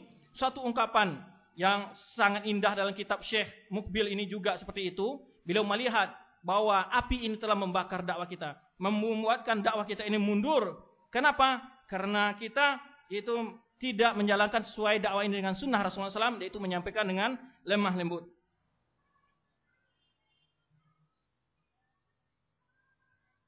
Kemudian saya di antara ungkapan saya ini saya ingin menyampaikan, ya karena pernah juga kita sampaikan ini dalam Purwokerto, bahkan dituduh oleh mereka orang yang membaca dua kitab ini adalah orang sururi kata mereka. Ya, saya tidak temukan ada orang sururi membaca kitab ini, tapi mereka katakan orang yang menyampaikan kitab ini pada saat kepada umat mereka tuduh sebagai kelompok yang sesat. Syekh mengatakan ini, seorang dai mestilah berdakwah dengan akhlak yang mulia, dengan lemah lembut kata Syekh di sini. Karena Allah memuji rasulnya yaitu dengan dengan pujian yang indah. Innaka la'ala khuluqin azim. Sungguhnya engkau berada atas akhlak yang agung. Fada'i Allah, wahai orang yang menyuruh ke jalan Allah. Wa talibul ilmi, orang yang mencari ilmu. Wal muwajjih, orang yang beri panduan. Wal mursyid, orang yang tuntunan. Kulluhum yahtajuna ila ayata'asu bi Rasulullah SAW. Semua kita untuk mari ber, menyo, men, apa, menjadikan Rasulullah sebagai toladan kita dalam akidahnya, dalam manhajnya dan akhlaknya.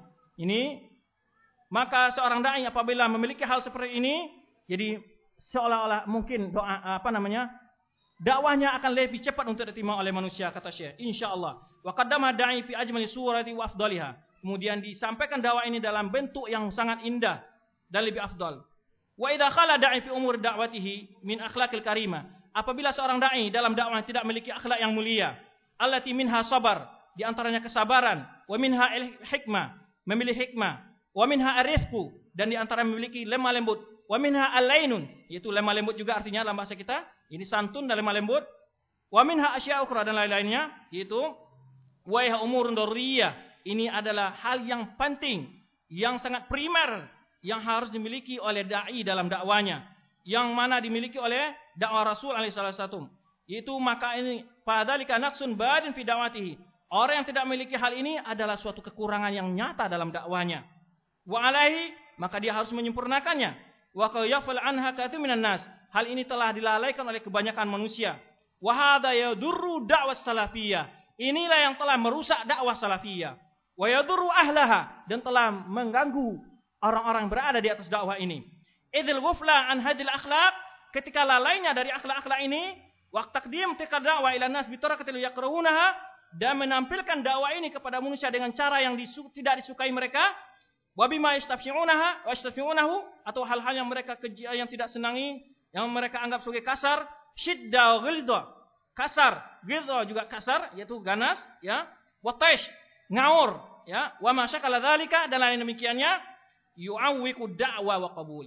Ini menyebabkan terhambatnya dakwah dan terhambatnya sampainya dakwah kepada orang lain. Fa inna hadhi umur mabghudha fi umuri dunya. Hal seperti ini dalam urusan dunia saja tidak disenangi, apalagi dalam urusan agama. Contohnya sebagai seorang pedagang. Kalau dia saja bermuka cemberut begitu, siapa yang mau beli dagangannya? Ya kan? Siapa kalau dia mau gini aja melotot kepada semua orang pembeli, nggak ada orang mau beli dagangannya. Tapi dia ramah, ya santun dan melayani pembeli, orang akan banyak membeli dagangannya. Dalam urusan dunia saja kata Syekh, itu tidak bisa diterima. Apalagi dalam urusan aga, agama. Kalau dari talabil ilmi, wajiblah, sepantasnya lah bagi seorang penuntut ilmu, yaitu ayan ayan tahija, nahjal akhlal salihah, untuk memiliki akhlak yang mulia fi dakwah dalam menyampaikan dakwah. Kemudian wa alaihi payam bagi alaika ayu khas wa alaihi sebab itu mestilah wahai para saudaraku untuk kalian mencontoh yaitu asar-asar yang disebutkan dalam dakwah kepada Allah. Itu dengan pelajari sirah Rasulullah SAW dan pelajari akhlak beliau dan bagaimana akidah beliau dan manhaj beliau. Di antara manusia ada yang tidak suka dengan akidah Rasulullah SAW dan tidak pula dengan manhajnya dan dia menempuh jalan-jalan akhlak yang lain, akidah-akidah yang lain, ya yang dicarikan oleh syaitan. Dan di antara manusia ada yang diberi taufik untuk berakidah, tapi tidak mau melakukan manhaj. Ya, di antara mereka yang beri taufik oleh Allah untuk berakidah dan manhaj, walakin fi sulukihim yudai'una aqidah wal manhaj. Tetapi dalam akhlak tingkah laku mereka membuat akidah dan akhlak menjadi rusak. Yudai'una. Orang pertama sekali melihat kita bukan akidah kita yang dilihat, Bukan manhaj kita yang dilihat orang. Yang dilihat pertama sekali apa? Akhlak kita. Ini yang langsung dirasakan oleh masyarakat banyak. Oleh sebab itu yang pertama apabila akhlak kita bagus, ya kita uh, niscaya. Ya akidah kita akan ditanya orang ini kok akhlaknya bagus? Akidahnya bagaimana? Manhajnya bagaimana? Nah oleh sebab itu saya mengingatkan di sini ada orang yang paham akidah sesuai dengan akidah para sahabat manhaj sesuai dengan manhaj sahabat tapi akhlaknya jauh dari akhlak para sah sahabat. Ini yang diingatkan oleh Syekh. Yani kemudian fahtaru mukhalaf Rasulullah fi aqidati wa manhaji fi dawa fi da'wati. Ingatlah jangan kalian menyalahi manhaj Rasulullah SAW dalam berdakwah ya dengan akhlak dengan lemah lembut dan sebagainya. Kemudian istawabu ya ikhwan. Yani kemudian perhatikan wahai saudaraku, wa'lamu anna mudda fi da'watina. Ketahuilah, mestilah dalam dakwah kita ini dalam mengajak manusia la ta'khudh janiban minal Islam wa tuhmil jawa min ukhra. Jangan kalian mengambil sebagian dari Islam dan meninggalkan bagian yang lainnya. Janiban min yawain tariq dakwah, yaitu mengambil bagian-bagian dari dakwah saja tanpa secara sempurna. Manhaj, akidah, akhlak dan lain-lain sebagainya. Fa inna dzalika yudiru bidinillah. Karena apabila tidak demikian akan membuat rusak dalam agama Allah, ya. Wa yadurru bidakwah ahlihi dan akan membuat yaitu rusak dakwah dan para pengikutnya, menyakiti dakwah dan para pengikutnya. Fa wallahi mantashar dakwah salafiyah fi hadzal asar al-qarib demi Allah kata Syekh tidaklah tersebar dakwah al-sunnah dakwah al-salafiyah dakwah salafiyah pada masa sekarang kecuali dengan tangan ulama, yaitu dengan perjuangan para ulama. Al-hukama, al-hulama. Al-hukama yang memiliki hikmah, al-hulama yang memiliki kesantunan. Ya tamassaluna manhaj Rasulullah SAW. Yang mereka itu melakukan manhaj Rasulullah SAW, manhaj dalam akidah, manhaj dalam ibadah, manhaj dalam muamalah, dan akhlak dan segala macamnya. Wa fi hadil ayam. Pada hari ini, naro dakwah salafiyah. Kita melihat dakwah salafiyah tata rajuk, mundur. Wa tatalakasu, mengempes. Wa tiada hal demikian illa annaha faqadat hikmata haula karena tidak memiliki hikmah yang telah dimiliki para ulama-ulama dahulu dalam menyampaikan dakwah. Syekh mengungkapkan sendiri kondisi dakwah sekarang, yaitu dakwah mulai mundur kata Syekh dan mulai mengempes. Kenapa? Karena dalam menyampaikan dakwah tidak memiliki akhlak-akhlak ulama yang telah menyebarkan dakwah salafiyah ini kata Syekh. Bal hikmah Rasulullah SAW bahkan hikmah Rasulullah SAW tidak pernah kita gambarkan wahilmahu dan kesantuanannya, warahmatahu dan ke kasih sayangnya, wa akhlaqahu dan akhlak-akhlaknya, warifqahu dan kelembutannya, walainahu dan kesantunannya, alaihi salatu salam. Walaqad syatamat Aisyah. Kemudian beliau menyebutkan tentang Aisyah yang meng, meng, apa, mencela orang Yahudi tadi. Kemudian Rasulullah SAW mengatakan, Ya Aisyah, innallaha yuhibbur rifqa fil amri kulli. Wahai Aisyah, sungguhnya Allah mencintai kelembutan dalam segala urusan. Hadal hadis, hadis ini apabila kita sebutkan pada hari ini kata Syekh, Alimun wajib syabab, seseorang mengarahkan para pemuda untuk mengamalkan hadis ini, untuk berjalan dengan manhaj sahih dalam dakwanya, mereka akan mengatakan, hata tamyi'un.